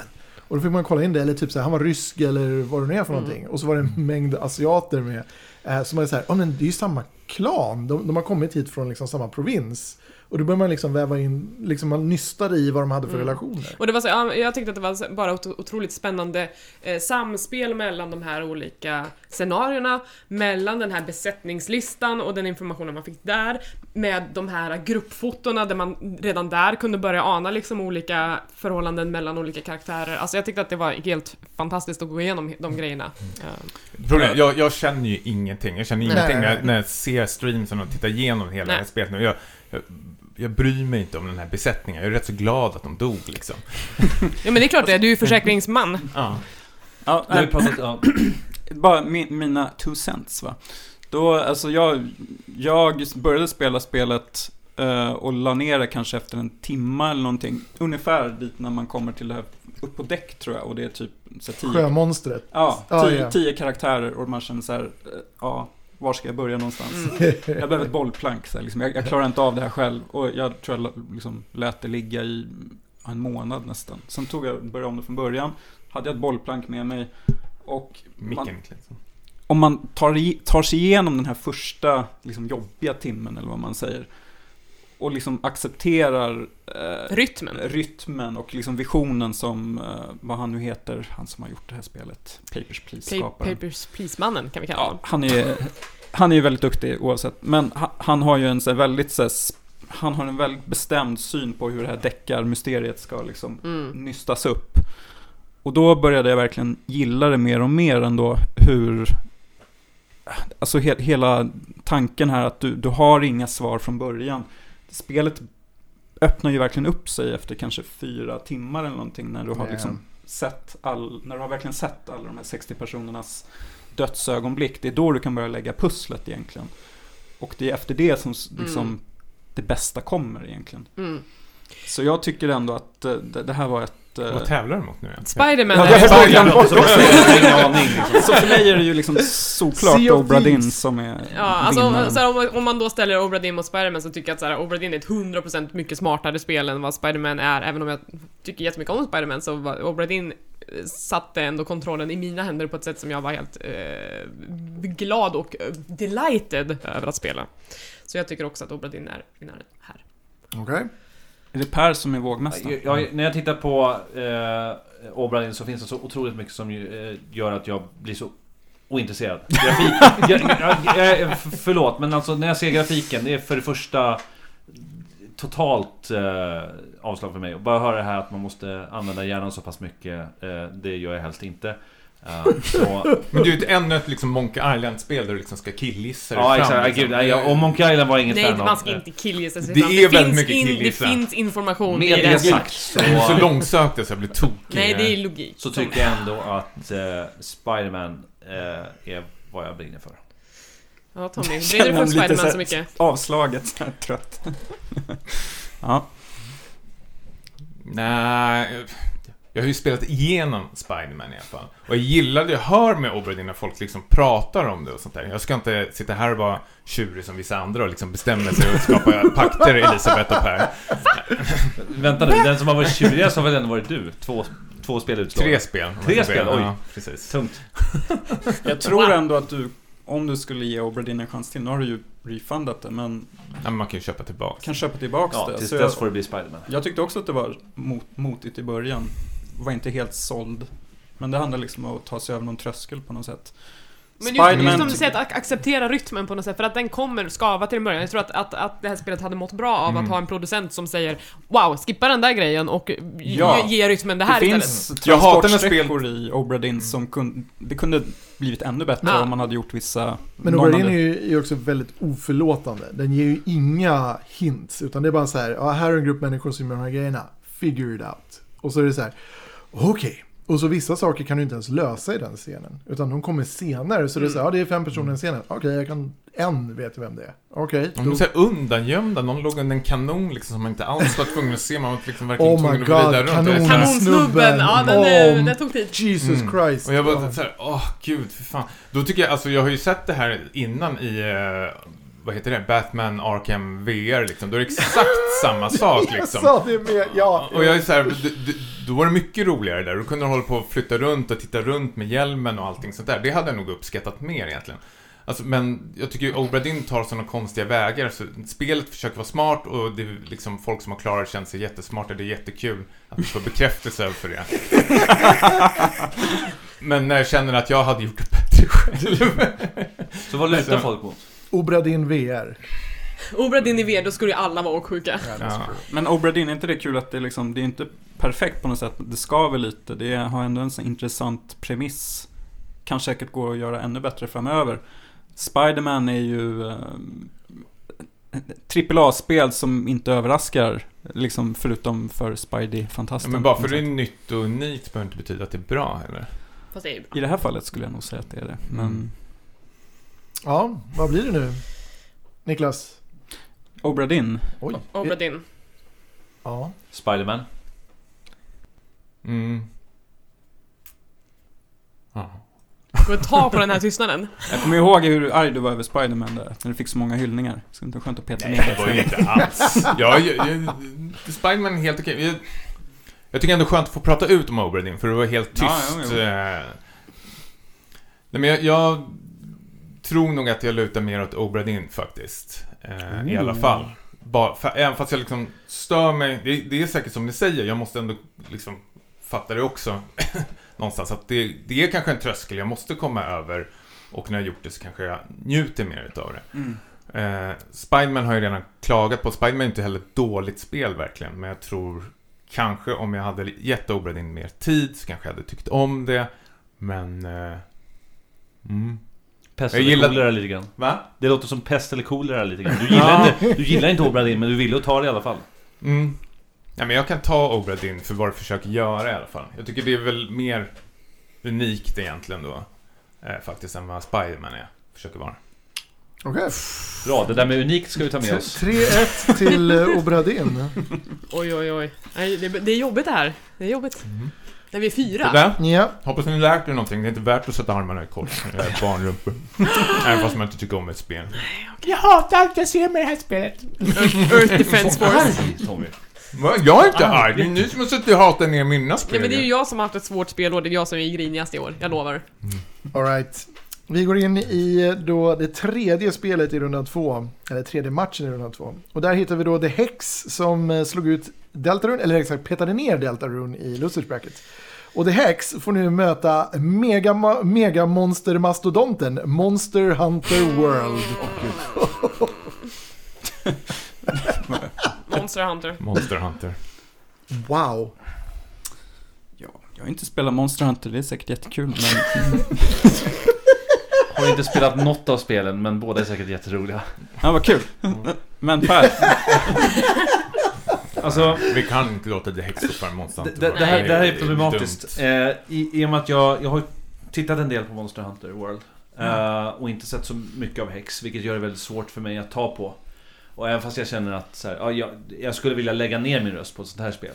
Eh, fast nu är inte det premisserna. Eh, och jag ska inte dra iväg för det för långt. Men, men jag har varit väldigt lockad av Monster Hunter World, ska erkännas. Så att eh, eh på grund av min okunskap om The Hex så måste jag säga Monster Hunter World. ja, vi, inte så be- mycket att tala om. vi, vi, behöver inte ens, vi behöver inte ens prata om Hunter World. Vi kanske får dra brandtalet om det sen. Efter Ja. den förra diskussionen känner jag att jag Ja, det, det kanske kommer, eh, ja det kommer nog mer chanser och, och Efter, typ där. 20 minuters diskussion om Obradin så jag nästan somna här så bara, vad skönt att bara klara av ett spel direkt. Ja, faktiskt. Alright, och i- nästa kan gå snabbt. Mm. För där hittar vi Into the Breach som eh, slog förvånande Earth Defense Force 5. Nej, det var inte förvånande. Det var inte alls. Däremot så får du nu lite tuffare motstånd när det möter Celeste. Oj. Jaha. Ja, Celeste har vi inte pratat om. Ehm, Är det lite luft som måste rensas här för någon eller? Är det... Är det... jag, jag tyckte jättemycket om Celeste, men det var ju också så här, jag, eh, jag kan välja att liksom minnas tillbaks på de positiva eh, tillfällena, men jag kan också liksom gå tillbaks till de negativa tillfällena. Vilka när var det? Ja, när jag typ dog 30 gånger på raken på ett och samma rum. Ja. Men kände du, att, men du lärde dig något i alla fall. ja, i slutändan, men Men besteg du berget? jag besteg berget Ja, till slut. Det, jag hade med Celeste på min topp 10-lista. Jag tycker det är fantastiskt bra. Ehm, nu har jag glömt vilket spel det möter. Into the Breach. Into the Breach är ju ett, liksom så här, en, eh, ett mästerverk liksom, i det här lilla.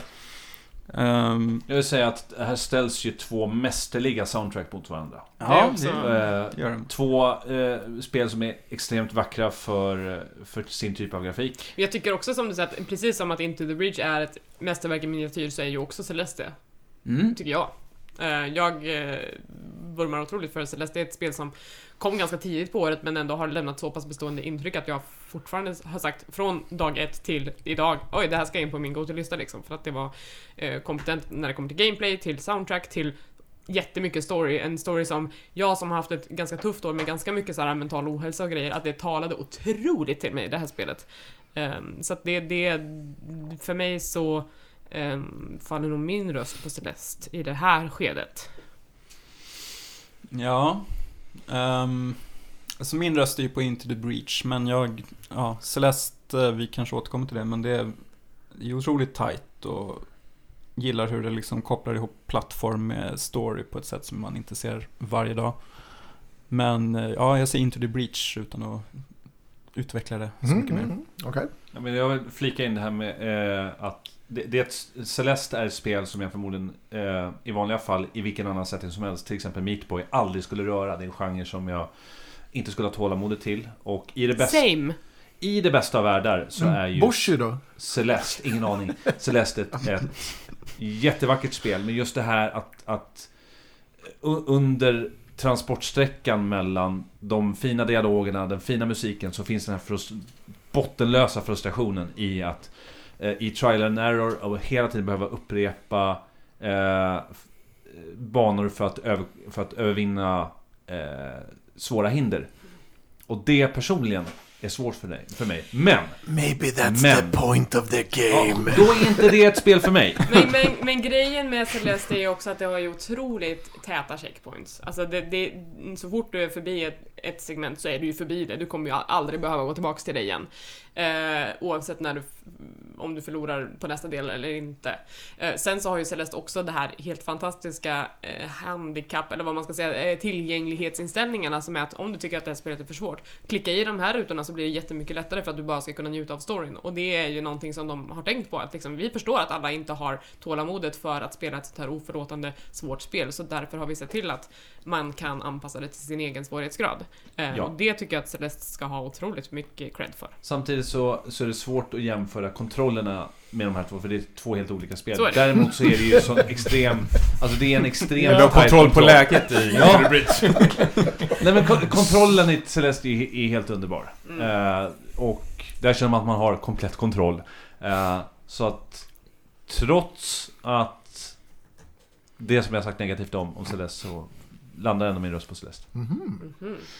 Tommy, vad känner du? Eh, nej, jag har också spelat båda.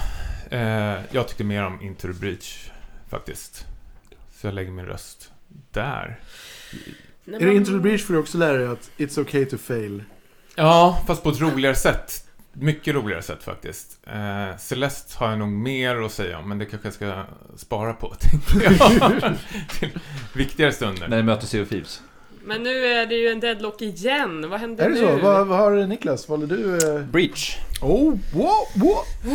Vi behöver en till röst. Folkets röst. Ja. Kan läggas ehm, veto. jag, jag såg ju... Va- Varför väljer du, förlåt Per, men varför väljer du Celeste för... Det låter inte alls positivt när du pratar. Därför att det finns så otroligt mycket vackert med det här spelet. Eh, s- Jag älskar grafiken, jag älskar soundtracket, jag älskar kontrollen. Mm. Eh, Och fast jag är dålig på spelet så Mm. får jag, får jag se över det. Eh, Och jag... Ja. Eh, jag, jag har ju sett då Celeste speedrunsen för det här. De har varit två stycken. Och jag måste ju säga att de, alltså jag har inte spelat det själv. Jag har eh, testat lite grann på Elisabeths Switch. Men jag har ju sett speedrunsen. Och just vad, så här, vad de här spelen betyder, eller vad spelet betyder för så många människor. Och hur alla liksom sluter upp bakom det. De det- du följer. Nej men alltså det... Vi sitter och tittar på speedruns på Into Ja, the Breach. Har du sett den när han klarar Into the Breach på helt- 10 minuter? Ja, det är det sjukaste jag sett. Jag blir mer imponerad av det än Hur många handhjärtan har inte the breach? Vi kan inte utse årets speedrun här nu, det är inte det, Nej, det, är men, inte men, det men vi jag jobbar säger att, alltså, för mig så är det, tycker jag så här, Celeste betyder så mycket mer för så många fler människor. Och jag tycker det är ett finare spel i och med liksom, även om jag tycker om Into the Breach och det har jag spelat, så är det, det är en, det är en roguelike. Det, Celeste är ju en plattformare, men den har ett annat djup, tycker jag. Så att jag, jag, jag säger Celeste. Jag gillar att du säger roguelike som om det är ett skällsord. Det är right up my alley. Nej, alltså det är, det, det är inte ett Ja, det är skällsord. Det är mer att det, det är svårt att göra unika varianter av roguelike. Men det har de ju verkligen lyckats med i Into the Breach.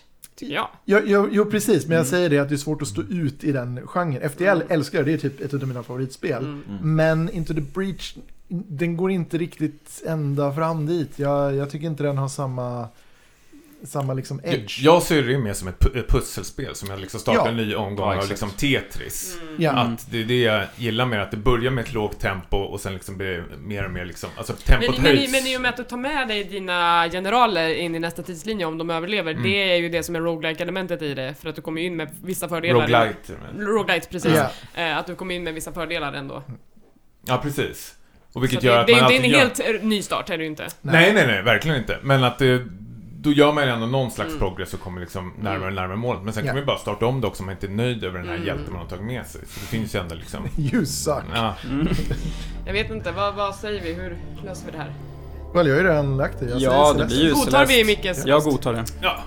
Runda två är klar och då ska vi gå in i eh, dödsmatcherna som ska komma härnäst.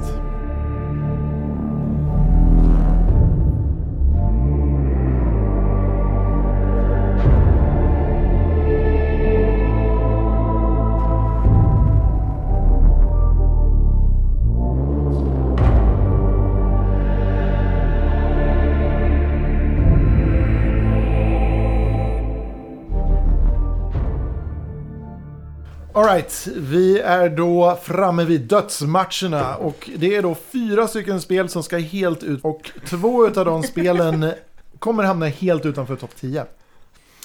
Alright, och vi börjar med match nummer ett. Och då hittar vi Sea of Thieves. Mot...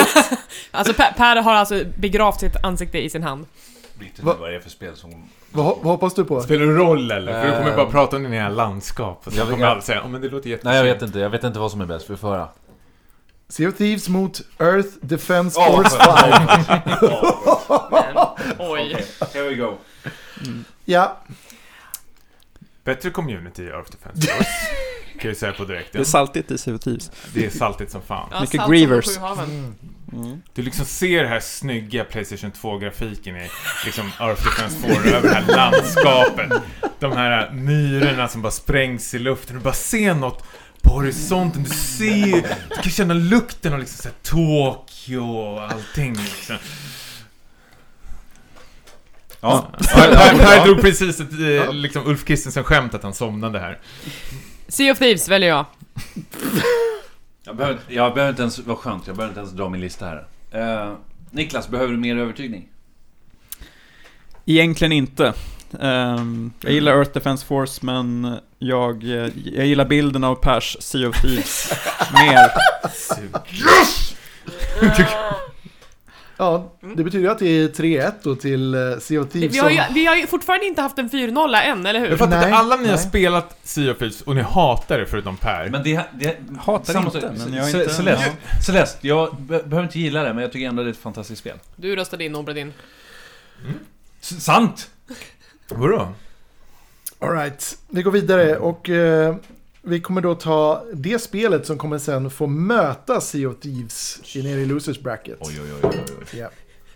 Och då har vi först då Deltarune som ska battla mot Spider-Man. Åh jävlar. Det är helt orimligt att Spiderman är här nere egentligen. Ja. Det kommer bli ännu roligare när eh, någon av de här spelen ska upp mot Sea of Thieves. Eh, jag antar att Spiderman får vinna det här, alltså det är väl, det är väl så. Hellre Deltarune. Om jag ska. Jag säger också hellre! Jag säger också hellre Delta. Nej men ni kan, ni kan inte vara allvarliga. Alltså detta är ett Nej, jättebra de vill ju bara Nej. att det ska skrälla. Ja, exakt. Så det är inte möjligt. Det, är inte möjligt. Spiderman går ju vidare alla, alla kategorier. Mm. Vad säger vi då? Vad tycker du, vad gör Deltaron bättre än Spiderman? Mycket, men... Jag är Gra- ju, grafiken. jag är ju tusen gånger mer intresserad av Deltarune. Men det säger ingenting. Det säger ju väldigt Jo, det mycket. är det ju. Ja, Det jag, var så vill, jag, Cuphead kom så långt förra året. jag vill hellre spela Nice try. Deltarune, alltså Undertale och liksom i förlängen Deltarune än vad jag är sugen på att spela Spiderman. Det känns ju som att Undertale och Deltarune ger mer till mitt liv än vad Spiderman gör, men jag blev också liksom lite swayad av er i förra rundan när det är så att det är inte färdigt än heller. Det är ju inte hela Fast det, spelupplevelsen det kan som det du ska vara. lägga åt sidan.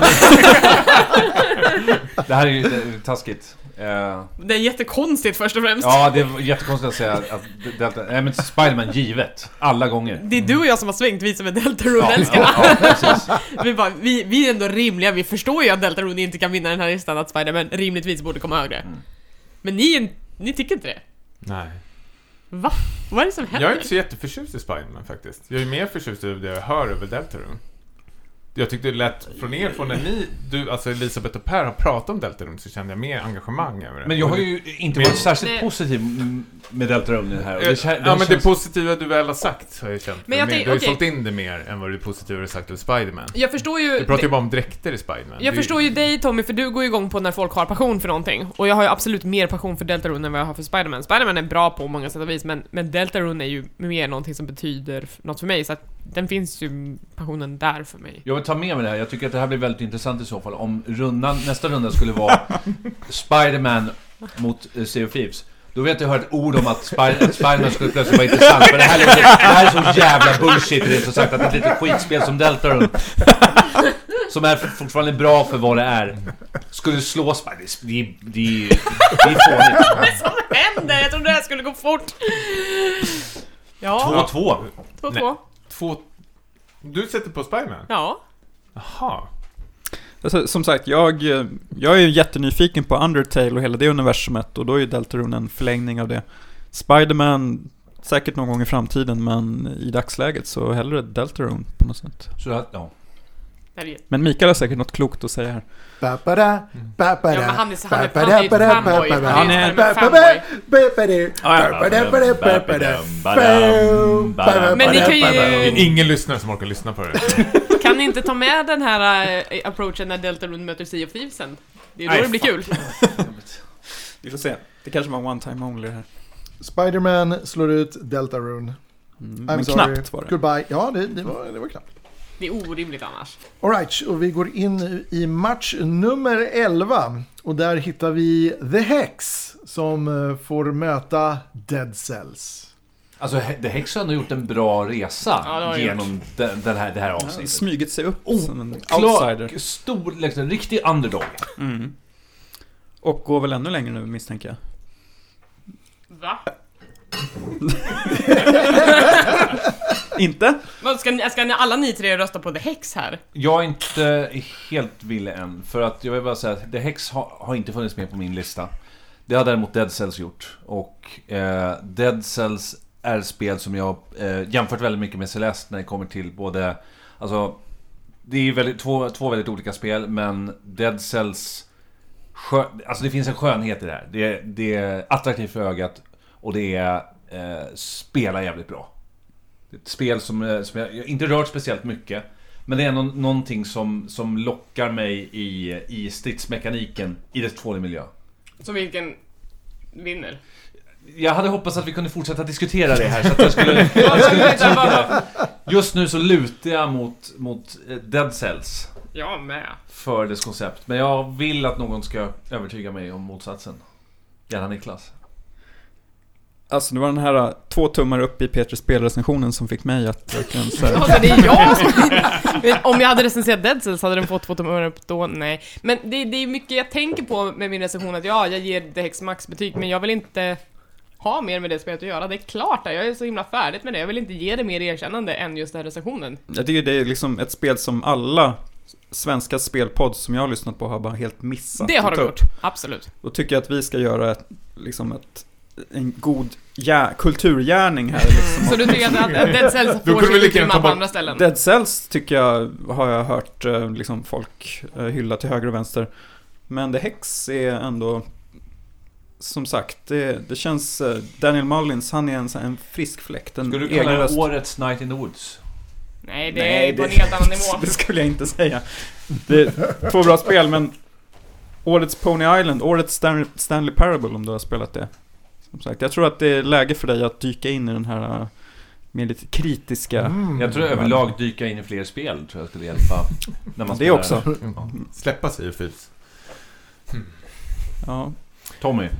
Jag har ju spelat båda de här spelen, båda spelen var med på min topp 10-lista. Alltså jag gillade Hex otroligt mycket, men jag känner att liksom Pony Island var en eh, friskare liksom fläkt. Alltså The Hex är ju fortfarande bra, men Pony Island gör det så mycket bättre.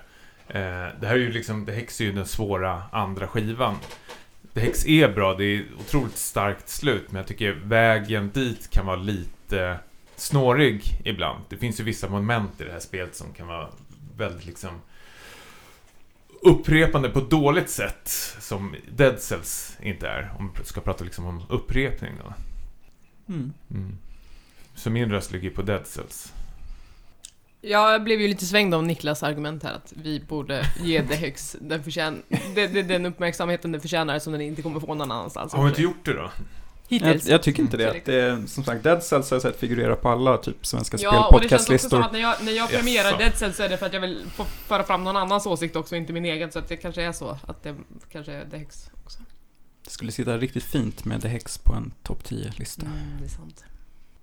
Ja, jag, Ja, jag, vi- står, jag står ja, fast på Dead Cells faktiskt. Okej, så vad har Ja. vi nu? Vi har två The Hex The Hex. och Ja, varför, Dead Cells varför och- väntade jag med att säga någonting? Ehm, att, nej, men alltså, eh, jag kommer definitivt efter den här podcasten att ta med mig det Niklas har sagt om, om The Hex som ett, ett spel eh, som jag ska spela. Eh, det, låter, det låter lockande, men men jag måste också ta hänsyn till den lista som jag har lämnat in och som jag känner till. Eh, och, och jag kan såklart... Det, det hindrar inte mig från att bli eh, eh, persuadad, men ehm, av det jag sett av Dead Cells som jag faktiskt har sett och prövat så är det att jag ändå måste säga Dead Cells. Oh no! Ja men då kör, vi, Oh, då no. kör jag Dead Cells också liksom. Ah! Ja, Oh wow! Oj, oj! Well, Jävlar. all right. vad well, fan. Det det vill bara få det här Kör överstökat. på bara! Jag vill ha en topp 10 nu. All right. Eh, då ska vi se här. Och då har vi då den sista matchen kvar i Losers runda 1. Och då är det fyra spel ute. Mm. Och då ska vi utnämna två spel utav dem som helt enkelt är borta från listan. Mm. Och den sista matchen här är då Into the Breach mot Assassin's Creed Odyssey. Oj! Wow. Va? Malaka! Malaka. Tommy, du eh, har ju... Eh, vurmat. Här har du chans att, eh, att verkligen vurma för Assassin's Det Creed. finns en peta på en Ja, pinne och bara ja. do something. Fast han har ju vurmat för Into the Breach också, vet jag. Jag tycker om båda de här spelen eh, väldigt, Assassin's väldigt Creed, mycket. Assassin's Creed är på min lista och Into the Breach är inte det, så jag tar nog Malaka. Mm. Malaka. Jag tycker Cassandra är, och, jag kan nämna henne 40 gånger, men jag tycker de gör ett så otroligt grym eh, manus och allting med henne, hur hon agerar. Jag köper helt och, helt, helt och hållet hennes karaktär och hennes resa hon gör genom det här hon spelet. är, hon är årets karaktär. Ja, och jag tycker att det som är så roligt med det här spelet är att det inte är så tydligt liksom vem sida man slåss på genom det här spelet, utan det är någon slags... Man, man, vad är man? Man är någon mercenary såklart, Mm. som är mellan jävla krig, utan ens enda uppgift är liksom så här, hitta ens familj och vad som har hänt med den. Jag tycker den resan hon gör genom det här spelet är väldigt intressant, och sen pågår det här slaget och krigen i bakgrunden som hon inte bryr sig jättemycket om. Nej, man har inte ens koll på om det är atener eller Spartaner. spartaner, som slåss mot varandra tycker jag. Det känns superrörigt. Superintressant. Jaha. Jag tycker det är hur... Eller? Va? Jo, det är ju Eller atener och hon har spartaner. Nej, jag har ingen koll på vilka Men det som är atener och spartaner. Ja. Ja, jo jag vet. Men så här, vilka, vilka är det som håller liksom fortet eh, i vissa regioner? Det ser du ju. Det ser du om det är rött, om det är rött eller blått. Okej, ja det visste inte jag. Plottrigt och rörigt och, ja jag vet inte. The more you know. Ja. Okej. Hur står vi nu då? Jag... Eh, Jag tänker ett spel som har förvisso en otroligt stark huvudkaraktär. Inte så mycket mer, skulle jag säga, liksom i... Så långt jag har kommit. Jag Ja, tycker, jag- jag tycker karaktären är ju bättre än storyn. Den här sjungande sjömän. Ja. Jag tycker det har en hel del intressanta alltså, side stories. Alltså det fortsätter på det här Witcher-spåret. Att det är liksom någonting litet som du börjar med och sen växer till något stort. Eh, det är ju inte sådana här gamla klassiska, de här Ubisoft-spelen då som eh, till exempel eh, Watch Dogs eller liknande. Där det är en sån här fetch quest eller något liknande. Att nu ska du hämta tio stycken morötter eller någonting sånt där. Utan de här uppdragen finns nog liksom Fast det här, finns sådana uppdrag i Assassin's Creed Odyssey också. Ja, men de är så tydliga att liksom att nu får du bara liksom X för det här. Det här det är mest för en grinding och de kan du bara skita i. Alltså de som är Fast du kan inte skita i det om du vill göra main eh, mission och du ska komma upp i rätt level. Måste du ändå göra de här sidequestsen för att komma upp. Det är det här som är så bra, att du kan ju välja då vilka sidequests du vill göra. Du behöver inte, jag har Jo inte... men jag vet ju inte vilka som är intressanta på förhand. Det kommer Jo, det, står, det syns på kartan vilka det är Ja, som är. Det det är, är de som har de stora... tydligt. Ja, men vissa är ju så- Du som har spelat igenom Obradin bör ju löst det för länge sedan. Så det är supersmart. Oh, burn! Nej, jag tycker det är, ja, Ja. jag vet inte. Wow! Jag, jag ser inte riktigt Jag börjar briljans- ifrågasätta smartheten i Obradin, verkligen. Alright. Per, det är det, det, det hänger Ja, på. nej, men jag måste ju hålla samma argument som eh, jag gjorde på eh, tidigare spel. Eh, Into the Bridge finns på min lista. Eh, tror- jag. Jag börjar bli osäker nu. Börjar fundera. Ehm, nej, jag måste säga Into the Bridge. Oj, okej. Jag kan faktiskt eh, gå över till uh, Into the Breach för jag tycker ändå att det, Ja, det är eh, ett väldigt viktigt spel. What? Ja, ja, men de här... 4-0. blev det. Ja, vi kan... Vi Ja men så här, de här spelen hamnar otroligt nära eh, på min eh, topplista. Alltså det är väldigt, det är dess, för mig är det decimaler som skiljer, sen är de helt två olika spel. Men jag tycker samtidigt kanske, eh, om jag kommer blicka tillbaks till det här året så kommer jag nog kanske komma ihåg Into the Breach mer för dess unikhet. Mm. Bara att jag har ju fastnat kanske mer för Assassin's Creed och spelat igenom det. Spelat det otroligt, otroligt mycket och det är så färskt i minnet just nu.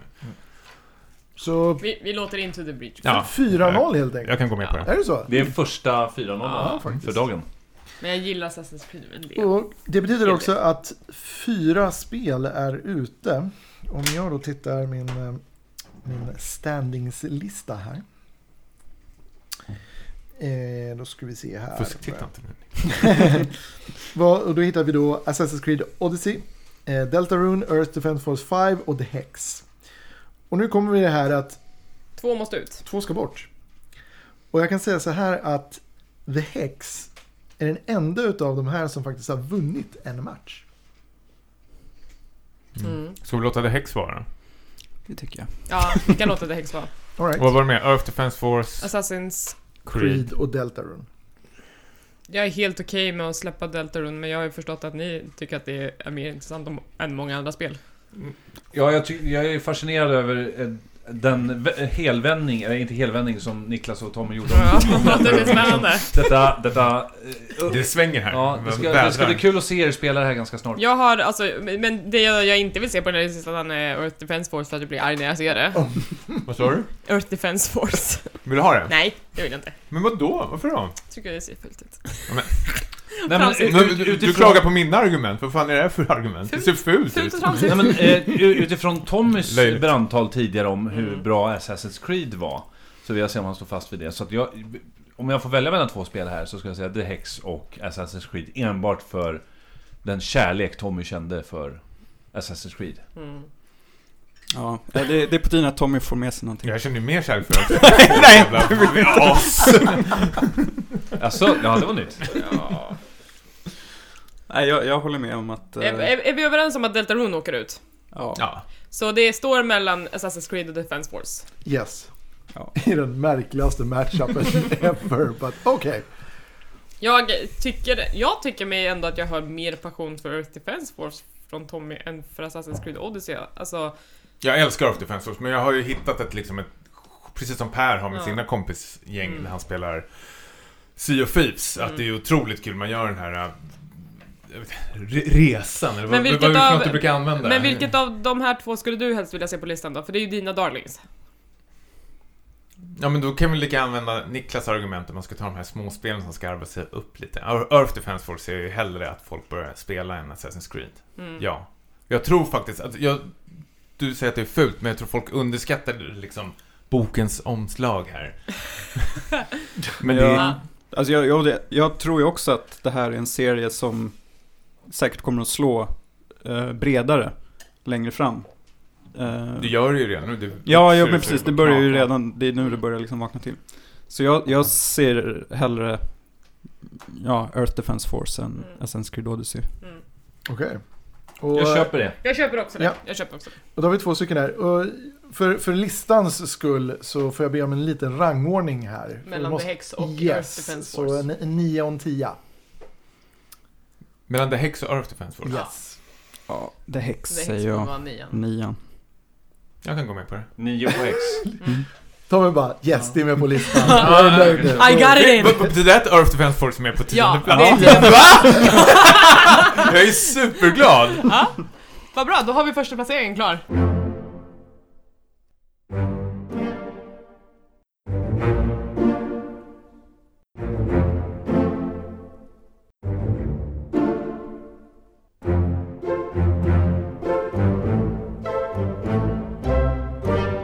Yes! Earth Defense We made Force it! på, på nionde plats. Ja. Jag måste nästan googla sen. eh. Vill du ha Earth Defense Force sen? På Ja. nionde plats? Ja, ja, om jag Nej. vill. Nej, jag vill ha Hex på. Nej, nu får du lugna ner dig. Ja, lillfingret. Ja. Ta det lilla lugnt. All right. vi, vi fortsätter slumma i losers bracket här, för vi har två matcher innan vi går upp till eh, winners bracket igen. För att eh, de två stycken vinnare av den här rundan eh, kommer då att möta förlorarna av upper bracket-rundan. Ja, go. Och de som är nere i losers runda här nu är då Spider-Man mot Sea of Thieves. Oj. Ja. Har Spiderman kommit upp så här högt? Vadå, vi är ju typ, Det är vi är fortfarande sjunde, åttonde platsen. Ja, som det är, jag tror inte ens det skulle komma komma i topp 10. Ja, Per, vad känner du? Du som har två darlings här. Det här är eh, mina två darlings. Eh, och Spiderman är för mig ett fantastiskt spel. För... Först och främst, det är en spelgenre som jag inte har spelat så mycket. Man ska komma ihåg att det var väldigt, väldigt länge sedan som jag hade en konsol. Därför kan Spiderman kännas väldigt unikt för mig. Eh, men på samma sätt som jag dissade God of War eh, Eller om det var Tommys eh, Assassin's Creed för linjära spel Mm. Så när det kommer ner till eh, den största spelupplevelsen och den mest eh, Den tid som jag spenderat mest i Mm. Så är Sea of Thieves överlägset eh, bättre än Spiderman Av den, jag har ältat det här under kvällen det här med ehm, eh, Åh, vad som finns borta i horisonten, resan i målet eh, Men jag vill också lägga till Ska jag också göra snarkljud nu? Ja, men jag vill, jag vill prata om det här med, med nyskapande saker. Eh, Spiderman tillhör en kategori av spel som vi har sett förut. Det är en väldigt polerad produkt. Eh, och har eh, en stark berättelse, det är snyggt. Men eh, det är inte nyskapande. I alla fall inte enligt min bok. Sea of Thieves är ett spel som inte har gjorts tidigare. Det är en sandlåda där upp till fyra spelare kan samarbeta för att uträtta unika saker ihop och skapa jättehärliga eh, sagor och berättelser ihop. Det finns inget spel i år där folk kan skriva långa, långa Reddit-poster om vilka fantastiska äventyr de har haft eh, ute på haven. No Man's High. Uh, Bolla 76. Oh yeah! Nej, nej, jag hör inte. La, la, la, la. Eh, Det senaste exemplet just nu bara på, på Sea extrema narrativa styrka är att titta på streamern eh, Summit. Som just nu är en av de snabbast växande eh, streamerkanalerna just nu. Har passerat Ninja i subscribers. Har... Ja, det är Så, skitstort. inte What? followers, men subscribers. Då ska man alltså säga att Sea of Thieves streamas just nu av en enda person. Eh, då kan man säga att oh, det är mer förtjänsten att Summit är en stark personlighet än vad Sea of Thieves är ett bra spel. Men jag håller inte med. Summit har insett potentialen i Sea of Thieves narrativa eh, struktur för vad han kan göra. Hans kreativitet, vad han gör eh, som pirat, allt från att spränga eh, fiender i små bitar med eh, eh krutburk, krutdurkar till att smyga sig ombord på andra personers skepp, vänta i timmar innan han sätter dolkstöten i eh, piratmotståndare för att sno en av de mest värdefulla skatterna som finns i hela spelet. Det skapar så extrema starka berättelser. Fast sånt här, sånt här kan du säga om vilket spel som helst, för det här har jag Nej, sett det liksom, kan man inte. Jo, men för det här har jag sett liksom tusen gånger typ i Fortnite när folk gör tuffa saker och på rider på missiler och skjuter och allting sånt där. Det är ju jättekul att titta på liksom i fem sekunder som en liten klipp alltså. Jag har ingenting emot det alls. Men sen när jag väl sitter med spelet själv, då är det ju trögt som fan alltså för mig. Får jag fråga så? Det här med den mest värdefullaste skatten i spelet. Vad får man utav det som spelare? Alltså när du får den skatten. Den ultimata belöningen i spelet, eller om man ska säga ultimata belöningen. Men eh, du vill kunna skryta med att ha kommit upp till att vara Pirate Legend. Det vill säga som är eh, efter att du har farmat spelets fraktioner ett ändlöst antal timmar genom att bygga reputation genom att lämna in olika skatter. Så blir det till slut, när du uppnår level 50 med alla tre fraktioner piratlegend. Då får du tillgång till eh, en unik eh, tjuvahåla. Där bara du kan hänga. Eh, kosmetiska, ja det är jättesorgligt. Ja, okej. Häng- Priset hänga är med andra- ensamhet. Hänga med andra piratlegender. Men du Men får vad gör man unik, där? unik Andra kosmetika. douchebags. Du köper eh, kosmetika som du Det kan skryta med du- superytligt. Du köper kos- för vad då? för, för guld som du tjänar från skatterna. Så guldet har du redan. Det- Du har två valutor i spelet och det är experience och det är guld. Men igen, och även fast jag säger det, det kanske låter skittråkigt att det bara är två grejer. Återigen, det jag får med mig efter en avslutad spelsession, det är de här fantastiska ögonblicken. Från det att när jag startar spelsessionen och inte har bestämt mig för vad jag ska göra, men tre av mina kompisar hoppar ombord och säger ja, vad ska vi göra? Vi får se vad som är. Åh, titta, i horisonten så är ett dödskallefort uppe. Nu åker vi hit och ser vad som händer. Två skepp är där. Vi, vi, börjar, vi börjar tänka, ska vi försöka alliera oss med skeppen? Ska vi försöka sänka dem? Oj, vårt eget skepp sjönk precis när vi lyckades öppna skattdörren till det här fortet. Ständiga, jag återkommer till det här, oberäkneligheten att aldrig veta vad som händer, men att ständigt eh, få så mycket olika val eh, att ställas inför och interagera både med andra besättningar men också med sin egen och jobba i synergi för att liksom rätta seglen i rätt vind, få ut det mesta av sin båt. Det är storslaget. Ja, nu, nu gärna för att fundera här. Är, det- är, är det värt att skicka upp Sea of Thieves? Alltså det, nu snackar vi om plats 5-6 här. Den, ska, den kommer åka upp till om du vinner den här matchen. Jag säger nej. Nej, jag säger också nej. Sea of Thieves är på topp 10. Det har kommit långt, men inte... i- No further. Det har kommit högre än Earth Defense Force 5, vilket är...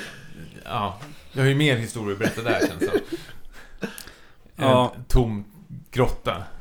Jag gillar det jag hör om Sea of Thieves, men jag tror nog ändå. Jag kan aldrig åstadkomma det själv. Det kommer inte hända. Nej, jag tror inte jag kommer heller kunna göra det. Så Spiderman blir det ju. Jag är nöjd med vad det här spelet. Jag är väldigt nöjd med att vi tog oss hela vägen. Ja, Du har gjort ett bra jobb idag Per. det, det är faktiskt Du kan andas ut nu. följ med flaggan i topp. Ja. Eh, Men min skuta sjönk. Kapten gick under med sitt skepp. Vi, vi, kommer, ju- vi kommer bestämma ranking sen mellan nästa spel också. Och nästa spel är då match eh, nummer eh, 14. Där Dead Cells möter Into the Breach. Nej. Oj. För fan.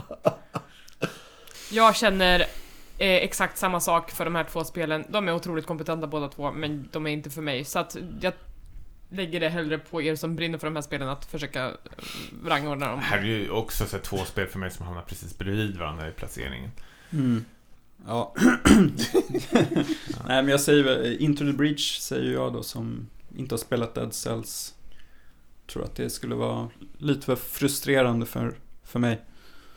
Into the Breach känns ändå som att det är... De är otroligt likvärdiga tycker jag.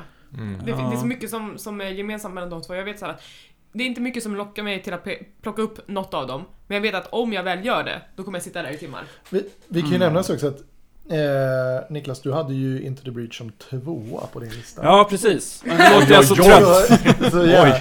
Eh, Så jag borde ju liksom tagga till lite. Ja, mm. och eh, på Niklas, eh, eller på Tommys lista så hittar vi ju Dead Cells ovanför Into the Breach, men mitt på liksom. Mm. Ja, så nu får du ju brandtala Ja, här. Bara att köra igång. Det har vi hört flera gånger. Ja, jag, jag, jag, jag, behöver inte ett brandtal, jag behöver bara Nej. någon som säger det här är bättre än det här och så kommer jag säga okej. Det är det, det jag behöver höra just nu. Ja, då vill jag gå ut först och säga att, att sannolikt vad jag kommer spela mest av av de här två spelen är eh, Dead Cells. För att det är lättast att plocka upp och eh, ger mest eh, belöning. Andra Into the är Breach, otroligt lätt att plocka upp. S- kommer in säkert, direkt. Men återigen, du har det här pusselspelet. Om jag måste välja mellan eh, pusselstrategi och... Eh, Säg bara vilket som är bäst. ja, eh, Dead Cells. Into the Breach har ett tyngre förlust tycker jag. Liksom, när man väl förlorar och ska starta om så tar det mer på mig faktiskt än vad det gör med Dead Cells. Dead Cells känns som jag tar tydligare steg framåt och jag tycker belöningen man får i Dead Cells när man kommer vidare är mycket högre än Into the Breach. Det vinner det på för mig, så Dead Cells för mig. Så jävla vackert spel. Dead Cells, Dead Cells. Ja, då, jag hänger på Dead Cells-tåget i så fall. För att för mig så det är otroligt svårt, de är, de är likvärdiga. Så Niklas, vad säger du? Ja, jag, accepterar nederlaget. Men du lägger fortfarande din på uh, Into the Bridge? Ja, det gör jag. Alright. Dead Cells vinner och går vidare. Och då ska vi ta så här. Och då har vi ju då två spel som åkte ut precis. Och de ska då rangordnas på vår lista. Mm. Och då hittar vi då såklart Into the Breach och Sea of Thieves. Jag är villig här kan jag säga att lägga mig och nöja mig över en hedrande Åttonde plats. åttonde plats. Mm. Ska Låter vi- bra tycker jag. Är vi överens? Ja, Ja. Into Mm. the Bridge.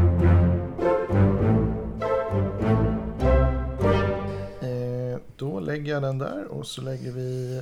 Vad sa vi? Var det Into Det är alltid lite tillfredsställande att börja se den här listan utkristallisera sig, Mm. tycker jag. Ja. All right. vi, vi ska efter eh, nästa, nästa runda köra en liten short recap vad vi har för någonting.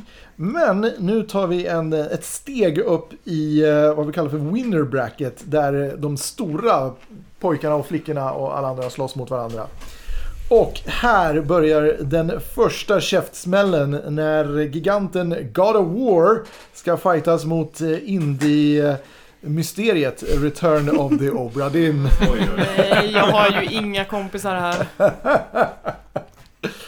Så um, 3-1 till God of War eller? Vi har ju pratat om båda spelen väldigt mycket, Mm. känns som. Jag, jag är oförändrad, jag tycker inte att God of War ska vara högt upp på den här listan. Så jag, jag röstar på Obradin, det var två för mig. Jag vill ändå eh, och säga att jag röstar på God of War för att igen, jag eh, uppskattar väldigt mycket världsbygget, eh, det de gjort. Eh, Obradin, not so much. Otroligt världsbygge. De här monstren, de här, de här snäckorna, var kommer de ifrån? Ingen aning och jag vill inte veta. Hon pratar om Sea of Thieves nu. finns, finns inga snäckor i vad- Inte än. helt dött. Kanske i den här piratgrottan som ingen får komma till. Mm. Detta hat alltså! Detta förakt för ett, ett jättebra spel det är har bara för att det Ja, är vadå, ni är på åttonde plats, det är jättebra! Ja exakt, och när Det är folk, folk är nästan bittra över det. Det är sådär, ja, ja låt, låt Per få den här. Han, blir så jävla Det, sur. det, det, det, Han, han har bara spelat ett spel i år, så någonting ska han ju få. det kommer nog mer sådana grejer snart här. Niklas, vad säger du? Nej, jag, jag säger God of War. Okej. Jag också. Men fan för er. All right, here Men- we go. Ointellektuella. Dynga! Var är Megaman? Ja, det undrar jag också. Hade du ens med det på din lista? Nej, jag hade inte med, Då så! jag hade inte med Mega Man 11 för att jag, jag gillade spelet, men jag tycker inte det gav något som helst nytt. Nej, okej. All right, och då går vi vidare till nästa match. Det gick snabbt det där. Hatar allt. Okej, då går vi vidare till nästa match som jag tror kommer vara lite... Den kan gå väldigt snabbt men jag tror den kommer, kommer ta tid. Och där hittar vi eh, indiespelet Celeste mot Monster Hunter World. Oj, oj. Monster Hunter. Monster Hunter. Wow, okej. Ja, Nej, du får alltså- inte prata Niklas, jag vill inte vara vågmästare en gång till. Nej, eh, prata då. Nej, jag säger... Eh, Vill du höra någonting om Monster Hunter? Vi har inte sagt någonting Jag har om det. sett jättemycket fina grejer av Ja, men- Monster Hunter, men, men det vore jättekul att höra mer om Monster Hunter, varför det här är ett bra spel. Den stora, stora monster. Det har liksom glidit fram på den här listan utan någon har Ja, sagt räkmacka. något. Vi ska ha en räkmacka också, det tycker jag. Monster Hunter World är den enda multiplayer-upplevelsen för mig i år. Jag hatar andra människor i år. Jag vill inte spela med andra människor. Jag vill spela själv. Förutom i Monster Hunter World. Där är det en ren fröjd att, bli, att paras ihop med andra jägare, hitta en sammansättning som funkar, gå ut och jaga det största jävla monstret man ser på kartan och sen inse att allt går åt helvete när det kommer en drake ner från skyn och attackerar alla. Turf War! Sen kommer Basselsjös... Jag Åh, vilka minnen. Nej, fattar det låter inte ingenting. jättebra tycker jag. Men, Nej, ja. det- grejen med Monster Hunter World det är att eh, eh, Först och främst så har det ett otroligt levande ekosystem i de här banorna. De är, det det är ändå stängda banor men de är extremt stora för det. Eh, och i, i det här, de här banorna så lever olika monster, man är ofta ute efter ett specifikt monster men de andra monstren finns ju kvar där och kommer sätta käppar i hjulet för dig, det kommer interagera med monstret som du försöker interagera med. Det är så mycket som kan hända det är oberäkneligt på ett sätt som jag tänker att du kanske känner igen från Sea of Thieves. Eh, men men att, att just de här världarna samspelar med varandra oavsett om jag rycker in eller inte. Det är så otroligt Skulle du maffigt. säga att det skapar bra berättelser? Man gav sig ut på en, en jakt och sen, Ja. man Man visste inte vad man fick. Man har varit med om så otroliga jäkla stunder i det här Mm. Monster Hunter World. Alltså, en av de bästa har ju varit det här Och så är man PR-monstret, vad heter den där stora jävla T-rexen? Anjanat. Ja, men va? Ja, precis. Det är väl den som har varit så stora jäkeln som syns på alla omslag och allting Mm. sånt där.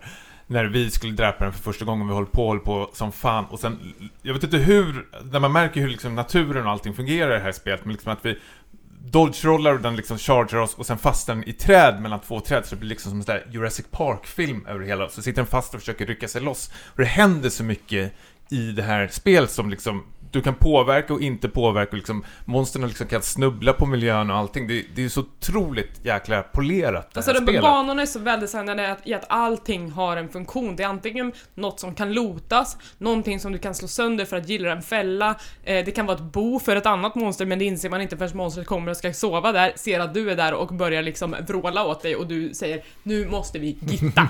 eh, alltså, det är ju den absolut största styrkan i det här spelet, det är ju miljön och hur levande den är. Den Mm. känns inte regisserad på ett sätt som många andra spelmiljöer gör. Otroligt Ehm, oförutsägbar. Ja men verkligen. Och sen så tycker jag också att det, det är kul med preppandet. Att du måste säga du kan inte bara, nu ska jag gå och slå det här, utan bara, vad är det jag ska slå? Vad har den för svagheter? Vad måste jag ha för det? Jag kanske till och med saknar en rustning så att jag måste gå ut och göra en expedition för att få ihop det till just den rustningen. Så att det blir ett projekt som är ganska stort, men det är väldigt kul att preppa inför det också tycker jag. Aldrig varit så kul att samla bajs i ett spel. Nej, väldigt kul. Ja. För vi, vi behöver kasta Man bajs på behöver den här. Ja, man behöver kasta bajs på vissa monster här alltså. Ehm, Då kanske Red Dead ska tillbaka på listan. på sätt. eh, och Det är bajs, det är en stor skillnad. Nej men det, det, nej, men det, är såhär, det är en så otroligt riktad upplevelse, det är inte bara det att såhär, eh, jag ska bara samla de här grejerna för att det är kul, utan allting har ett så otroligt syfte. Jag gör det här för att göra det här, för att kunna göra det här. Eh, det, det går liksom i raka led ner till att Det är så här, får jag T-rexens käkben kan jag bygga det här megasvärdet. Ja. och har jag det svärdet, då kan jag dräpa den här som kommer i nästa mission. Eh, Och sen då? ja, men, Sen, eh, alltså, sen jagar du storyn eld- fortsätter ju. Sen jagar du Elder Dragons. Och när du jagar Elder Det finns Dragons så alltid finns det ett större monster. Det, det finns Sen- alltid ett större monster att dräpa någonstans. Ja, Det, det är ju omöjligt att bli klar med det här spelet för att det kommer nya monster också hela tiden. Är det sales pitchen? There's always bigger fish to fry. det finns alltid en större fisk att, att steka i det här spelet, eh, helt klart. Jag tycker att det är snyggt. Jag tycker att det är, som du har påpekat tidigare, att det här är spelet som gör Monster Hunter tillgängligt för hela världen. Det har varit ett ganska nischat spel, ganska avancerat, ganska Mm. svårt att komma in i, men det här sänker tröskeln för nya spelare att komma in i den här serien. Så att till och med jag kan göra det. Jag testade på 3DS, jag tyckte det var svinkrångligt och tråkigt. Kommer in i det här och känner bara, här, i den här världen, här ska jag bo nu. Fan, jag börjar, jag börjar du- nästan grina när jag liksom Ja, pratar, för jag håller med mig. Niklas och han nickar väldigt instämmande. Ja. Eh, Ja, jo. Eh, och, och, och, och sen också bara den här känslan i att gå in tillsammans. Alltså det här är det roligaste spelet jag spelat tillsammans med folk när man liksom som, som mer erfaren spelare så är det jättekul att gå in och hjälpa nya spelare för man själv kommer få ut någonting av det. Eh, det är inte så att jag bara känner åh, jag, jag, jag vaskar den här timmen på det här äh, noob-monstret utan det finns alltid någonting jag behöver lota av det här monstret. Inga problem. Också att alla monster är ju en utmaning. Det är inte så här, ja, det är superenkelt. Och sen kommer den och bara typ äger Nej, men dig. precis, Och man, man- bara! Man vet ungefär vilken approach man ska ha, men det betyder inte att det blir lätt för den delen. Det är fortfarande ett jävligt stort djur du måste ha respekt för. Och du slipper voice chat när du spelar med andra spelare. För att alla vet ungefär vad man ska göra. Ja, och du har en av de här snabbkommandona som är så otroligt, ja precis, som är otroligt tydliga liksom vad karaktärerna... Gather sina medspelare- here, watch out, bla bla I bla. heal och allting Ja. sånt där. Och det är Pull ju som- back. Finns det Sirfis också faktiskt? Det gör det säkert. Ja, nej men jag, jag är övertygad. Uh, Monster Hunter World uh, Yes. Niklas snäll. får min röst. Väldigt, väldigt otippat skulle jag säga att det här åkte ut, eller det här vinner mot eh, Celeste. Mm. Men jag, jag håller, instämmer. Eh, Celeste är ett spel som jag tror att jag inte skulle ha så roligt med.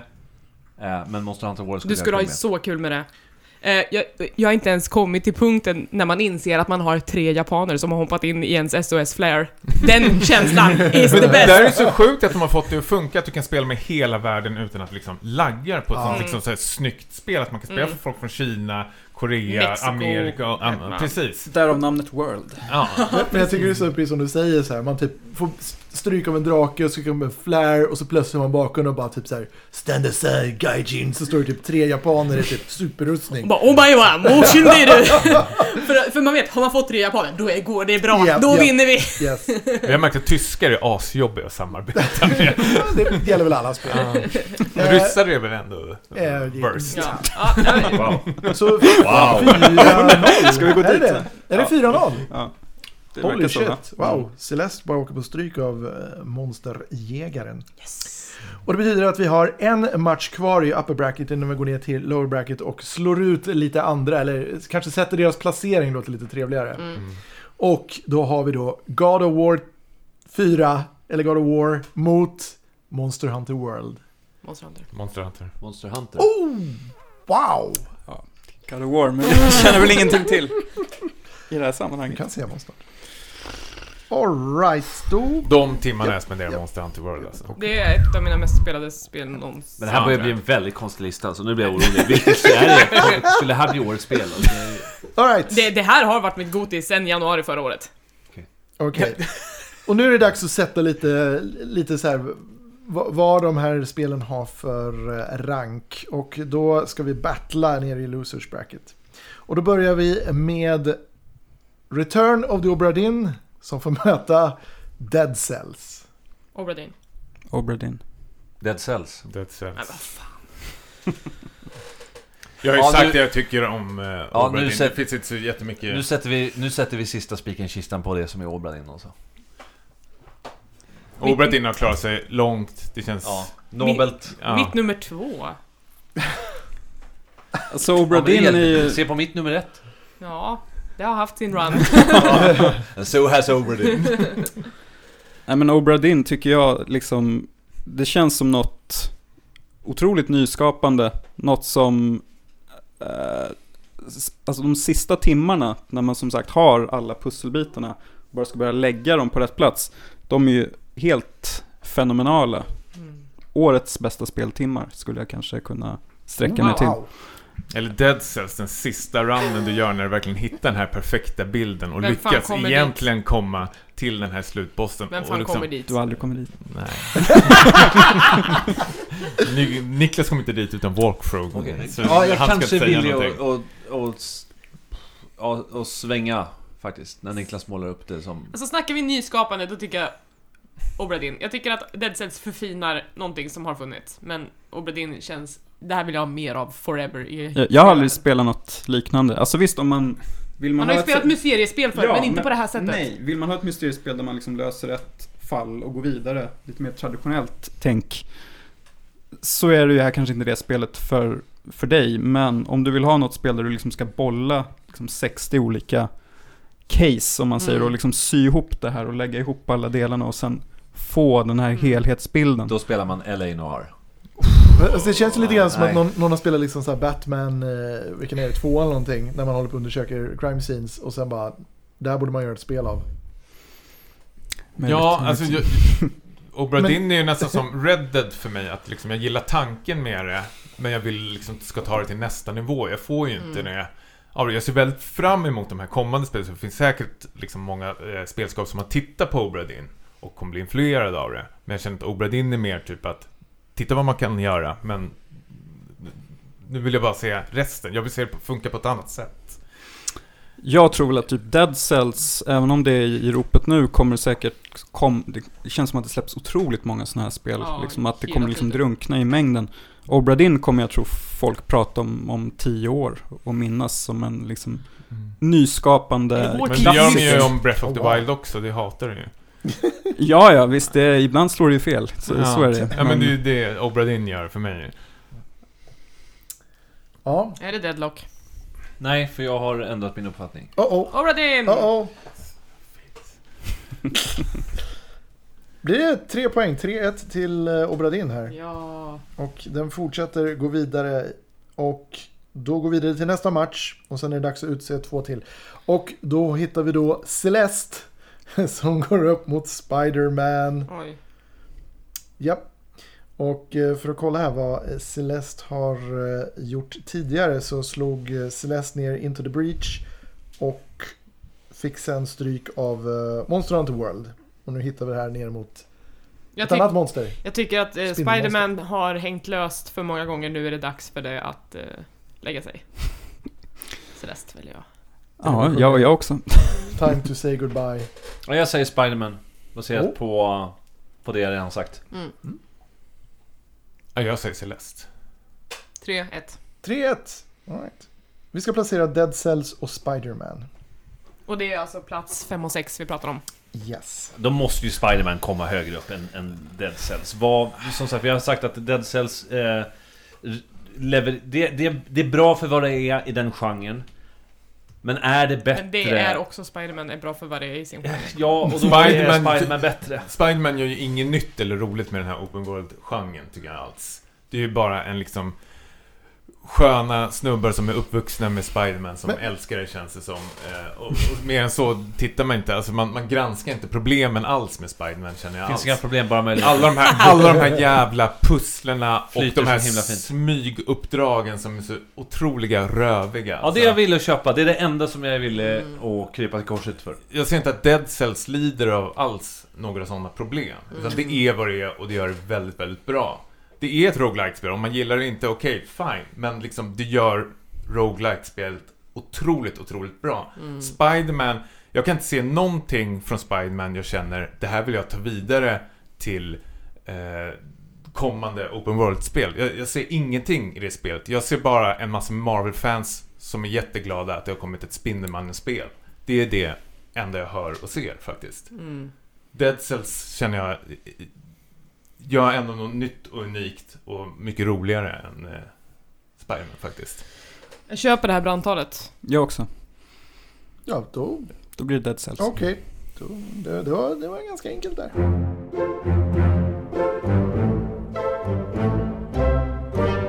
Varför är inte Thronebreaker med? För? jag är fortfarande kvar där.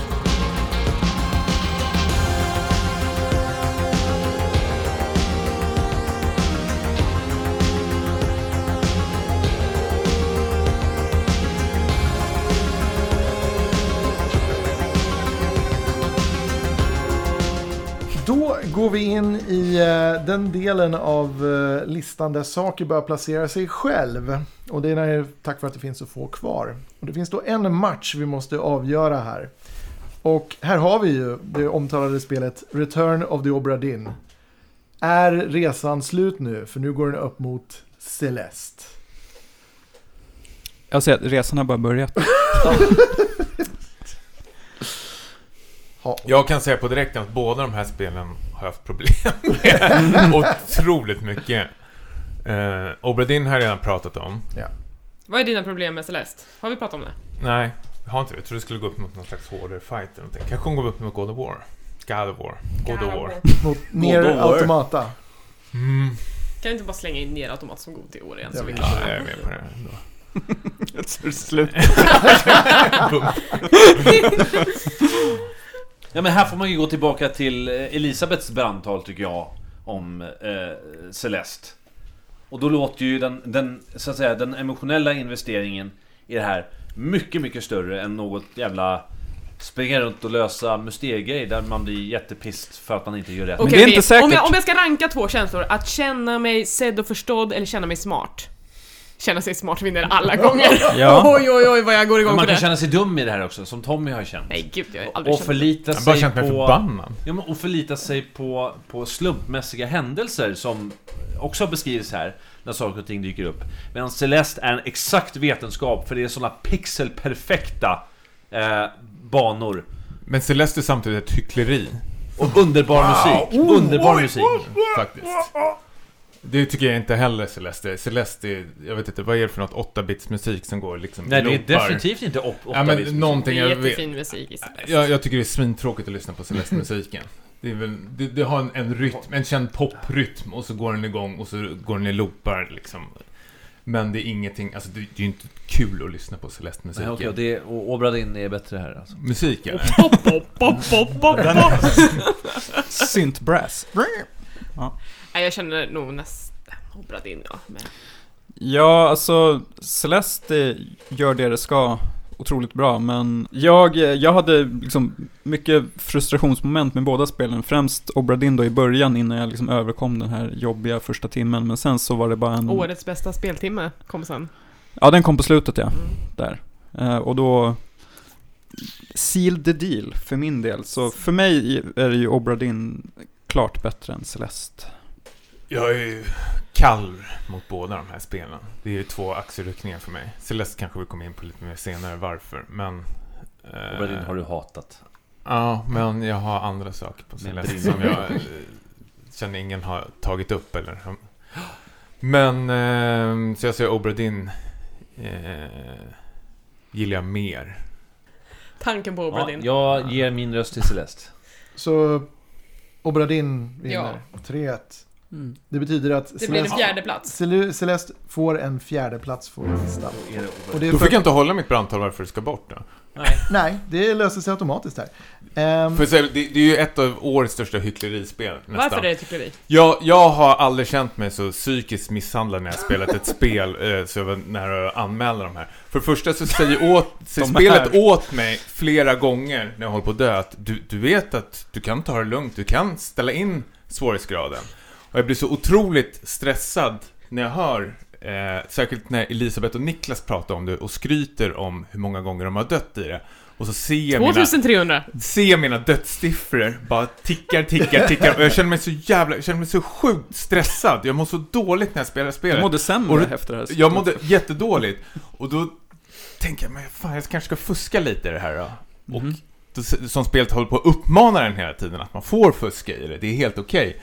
Vilket jag gör. Vet du vad som händer då? Jag får en stämpel på min save game att jag fuskar. och jag är såhär, hur är det här för liksom så här, hur, hur, vad, vadå, hur, hur bra ska jag må av det här? Inte alls. Så jag skiter i de här jordgubbarna som man kan samla och liksom stressar mig igenom spelet, kämpa som fan. Och så ska den här belöningen komma i slutet och liksom den här upplevelsen som alla säger. De här huvudkaraktärerna klagar på mig i slutet att jag inte sparat, eller hittat tillräckligt med jordgubbar. Ja, du är en äcklig paj! Jag gjorde en äcklig paj, jag gjorde en jävla buckhacke. jag, skojar inte nu, jag slutade spela spel på två veckor efter det. Jag kände mig så jävla psykiskt misshandlad av det här spelet. Jag mådde så jävla dåligt det när är jag spelade det här. precis som det, som det ska bekämpa lite grann, som alla pratar om. Mm. Men jag mådde ju med, med sämre. Ja, och det, det är det jag som mådde ju är sämre, det här slog ju fel för mig. Jag, jag mådde så jäkla dåligt, jag bara stressade, stressade. Gick in i min loggbok hela tiden, hur många gånger jag dött. Shit, nu, snart är jag uppe typ så här bland alla losers, typ såhär. Jag måste bli bättre, jag måste bli bättre. Fan ska jag fuska? Då spelar bara Du fuskar! Här har du en stämpel! Och så bara, ah, okej, ja men jag kanske ska skita i jordgubbarna då, typ såhär. Och då Men det, precis, det här med jordgubbarna har de ju pratat om också. Så här, ja men du behöver inte ta jordgubbarna, det är ett supplement. Men ändå så verkar det som att den här... Men du får en äcklig paj. Ja, Ja, och då börjar- dödssiffran Ja. verkar ju vara ett starkt argument för att bli stressad och, och faktiskt lägga ifrån det. Ja. För att man ser det här stacka upp. Alltså för, för jag har ju spelat Hotline Miami-spelen och jag älskar dem. Hotline Miami-spelen har bra musik där, som du har tempo med, med musiken, med döden, att liksom allting bara flyter på hela tiden. Jag får inte det där flytet i Celeste. Jag blir bara förbannad, känner mig mer stressad, orolig och sen får jag en jävla pissbelöning i slutet när jag väl klarar Det det. är svårt att ha momentum i Celeste. Ja. Ja, man fastnar ju hela tiden i... Men en fjärde plats. Men Ja, en det, fjärde är- det är ju plats. he- helt otroligt alltså. Ja. Ska, vi, ska vi spika trean också? Mm. För eh, här kommer nämligen God of War mot Return of the Obra Dinn. Obradin. Nu är det slut på Ja men nu är det ju fastställt att det är Gotis, så ni är snackat, ja, what, what the fuck. Kratos kan dra. Vad pratar du om? Ja men det är uppenbart att eh, Obradin nu har tagit iväg i raketfart, är på väg mot den där första platsen. Nej, det är det Ja, verkligen det, inte. fin- det Jo, det finns är- en stor... eh, Ja, Det finns en stor T-Rex på andra Ja, sidan ja, den här precis. matchen. Det- Ja, okej. Ja, Ja. Jag är så uppe i varv nu här efter. efter våra diskussioner om Obra Dinn. Ehm, jag hade ju det på min tredje plats. Och det och Into the Breach och God of War skulle jag säga är ungefär likvärdiga för mig. De är ungefär lika bra. så det här, alltså det här året har varit liksom det Ska du hålla på och motsatt twista runt nu hålla på vara jobbig? Du har fått med nästan alla dina spel här uppe. Han gör alltid en plot twist på Det är alltid en slutet. plot twist. Jag vill ju Vem tror se... han är? Christopher Nolan? Ja, men jag vill se Det var bara en dröm. matchen mellan Monster Hun- Hunter World och Obra Dinn. Den har jag redan tagit i min lista, den är klar. Du vet ju själv hur det kommer sluta. Kan du hinta? Per gillar ju Monster Hunter World bättre än Obradin. Det är ju Sea of Thieves på crack. Ja. Gör Elisabeth det också? Ja. kan, ja. Ja, okej. Ja, men då skiter jag i Ja, kan du bara sänka det här skeppet nu för en gångs skull? Ja, men det, Obra Dinn var tre på min lista. Det kan vara tre på Speckats Tack. också. Då, är jag, Yes! då känner jag mig nöjd med det också. Det är väl Per var... Väl, Jag säger. God of War. Alright, alright. Okej. Dra åt helvete. Nej, jag är nöjd. Den tredje platsen är jättebra. Då ska jag spika in det här på min lista. Vi drar dit det. Och då har vi två spel kvar. Och det blir inga fler matcher efter det här, utan det här är då finalmatchen. Och vi vet ju alla vilka två spel vi hittar där uppe. Det är då God of War mot Monster Hunter World. Monster Hunter World har katter som lagar mat Det- efter God of ja, War. ja, Ah, ja, klart. Mot det. to. God of War har ett huvud i en ryggsäck. Bra comeback. Det är fan sant. Du kan, ha, du kan klä din katt som Mega Man. Ja, just det. Katten kan ha Mega Man Monster Hunter. War är årets spel. Men såhär, eh, Per, du eh, som älskar Sea of Thieves, jag är övertygad om att du kommer älska Monster Hunter World, för det är ganska mycket samma krafter som är i spel här i spelupplevelsen, men jag tycker att Monster Hunter World är det mer polerade spelet. Per, jag kan garantera, om du köper Monster Hunter World till PC så lovar jag också köpa det. Jag med, Ja, sure. jag är med. Spännande. Du kan få låna God of War av mig. Så kan du få spela det så kan jag sitta med och titta. Det kommer jag aldrig göra. Är, är det så, är, är vi redan på sista, sista placeringen? Ja. Ja. Att det här måste falla på mig? Alltså, Alltså om du vill ha ett trippel A-spel som liksom känns lite avskalat liksom, som fokuserar på innehåll och inte massa överflödiga inslag. Eh, s- liksom ett traditionellt spel men som ändå känns fräscht och liksom som visar vägen framåt. Då tycker jag du ska välja God of War. Jag tror att du skulle gilla det oerhört mycket. ur ett streamingperspektiv så är God of War eh, Kan vi få speedrun-perspektivet också? väldigt, väldigt kul att följa med i. Speedrunna Monster Hunter. Ho, what? Sign me up. Eh, det, är- det, är- det är en bra berättelse, U- upprepar det igen. Eh, hela eh, det visuella är supersnyggt i God of War.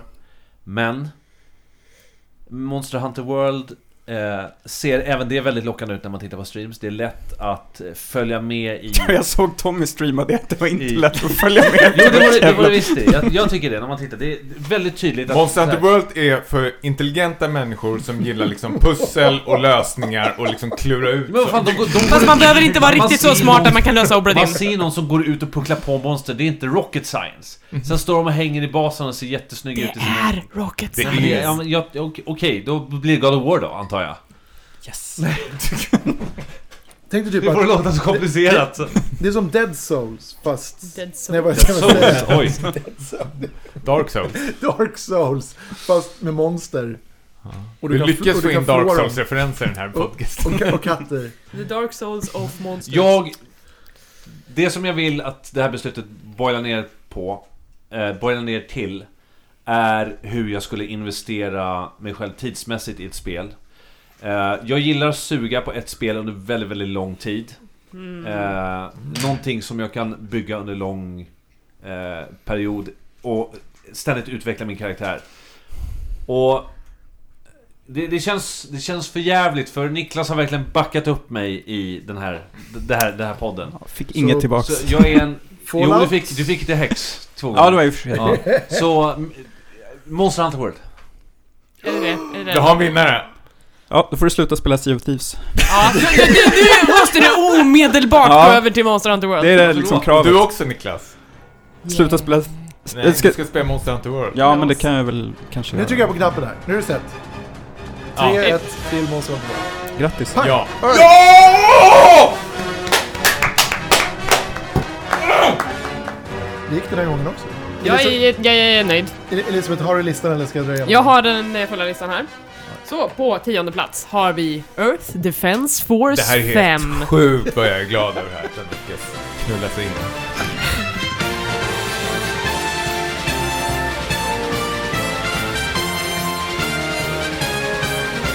På nionde plats har vi The Hex.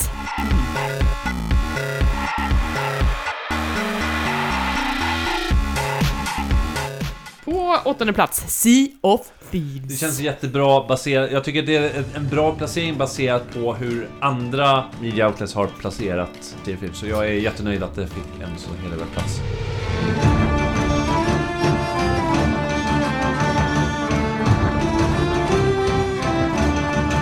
På sjunde plats, Into the Breach.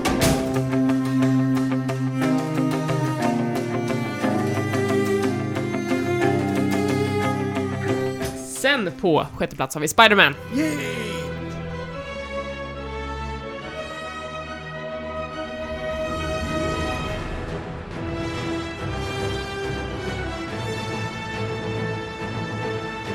På femte plats, Dead Cells. Dead Cells alltså bättre än Into the Reach. Det, det är det vi har kommit fram till här idag. Eller vill, vill du diskutera Nej, jag nej, det, nej, det, stopp, det, stopp. det finns inget att göra.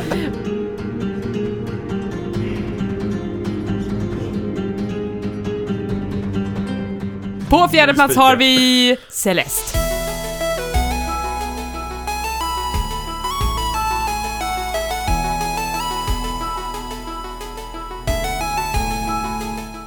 På tredje plats, Return of the Obra Dinn.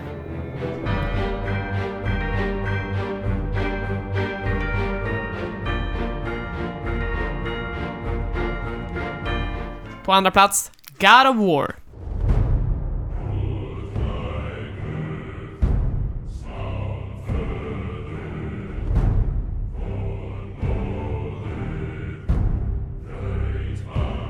Och på första plats, Monster Hunter World.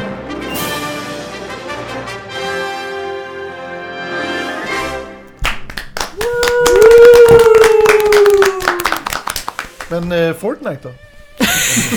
Jag tänker med Red Dead Redemption 2 då. Nej, gud, det har vi redan, det är jag redan klar med. Så otroligt klar med det spelet. Eh, i- Känner vi no- oss nöjda? Är det här en eh, rättvis lista över spelåret 2018? Jag tycker den här listan representerar oss fyra väldigt bra faktiskt. Eh, vad vi tycker och haft kul med. Och vad vi har Ja. tittat på för streams och vad vi har sett speedruns av. Precis. Jag tycker den här listan är starkare än förra årets. Om jag ska bara Vad var spontant. svagt i förra årets lista tycker du? Perfekt. Om du, om du har, har något som du tänker på, Nier Automata, Persona 5, de två giganterna. Zelda. Men samtidigt så tycker jag att det här är ju också andra år- året i, rad som jag och Tommy har en klar favorit som vi steamrollar över alla andra med. Ja, det var ju riggat från början. Vi sa ju redan i förra Goten att det här skulle vinna. Alltså det momentum Det är som sant. Obra Dinn plötsligt fick var ju brutalt. Vind i seglen. Det finns, ett, det finns alltså då i slutet av förra årets podcast så, så sa vi så här. Jag hoppas att vi kommer ha ett jävligt gött podcastår och ett bra spelår framförallt. Monster Hunter World Goti 2018, säger jag på direkten. Vi kan skippa det här nästa år. Det är redan klart. Redemption va? Mm. Nej, för fan. Vi hade ändå ganska rätt Det för ett in. år sedan. Det gjorde det. Vad är, är eh, våra predictions inför nästa år? Vad kommer vara bäst och sämst då? Stranding. Bäst och sämst Ja, samtidigt. jag hoppas verkligen att Death Stranding går åt helvete. Gör det? Ja, det gör Ja. jag. Definitivt. Okej, vad kommer vara bäst då? F- Fire Emblem eh, Free King... Free Families, eller vad den heter. Jag har pratat om Vanillaverse spel, jag vet inte hur länge. Jättelänge. Ja, så... Två år. Ja. Sen den här år. podden startade. Sen, sen vi startade den här typ... eh, Jag har ingen solklar favorit. Eh, Metro Exodus tror jag kan bli bra, men vi får se. Mm. Resident Evil 2-remaken, men det kommer ju inte gillas då antagligen. Jo. Det är klart det kommer göra. Kommer det göra det? Men eh, vi kanske ska ägna ett eh, specifikt avsnitt åt att prata om spelen som kommer. Ja, det tycker jag. Typ Diablo Immortal. Nej. Mm. men eh, Jag vi har en lista. Vi har en vinnare, vi har en eh, utmattad panel av eh, podcastare och vi har en otroligt tålmodig moderator som har stått ut med våra knabb idag. Tack så mycket Mikael för att du har lett oss än en gång till en, ett, någon slags konsensus. Tack, Tack Micke. själv. Tack. Jag är, jag är stolt över mig själv. Jag har inte gått och kissat en enda gång under den här podden. Det, Du har ju sådär vuxenblöja på dig. det, kommer, det kommer snart. Och eh, Tommy, Per, Niklas, tack för att ni har varit eh, sportsman-like deltagare i den här eh, diskussionen. Du sa att jag var för dum för Obradin. Jag, jag sa inte tack till mig själv. det Ni var jag som har slagit under Bra bältet. dolkstötar och bra brand, brandtal måste jag säga. Ja, Ja, ja verkligen, verkligen. Tack så mycket för idag hörni. Tack. Tack. Hej. Hej.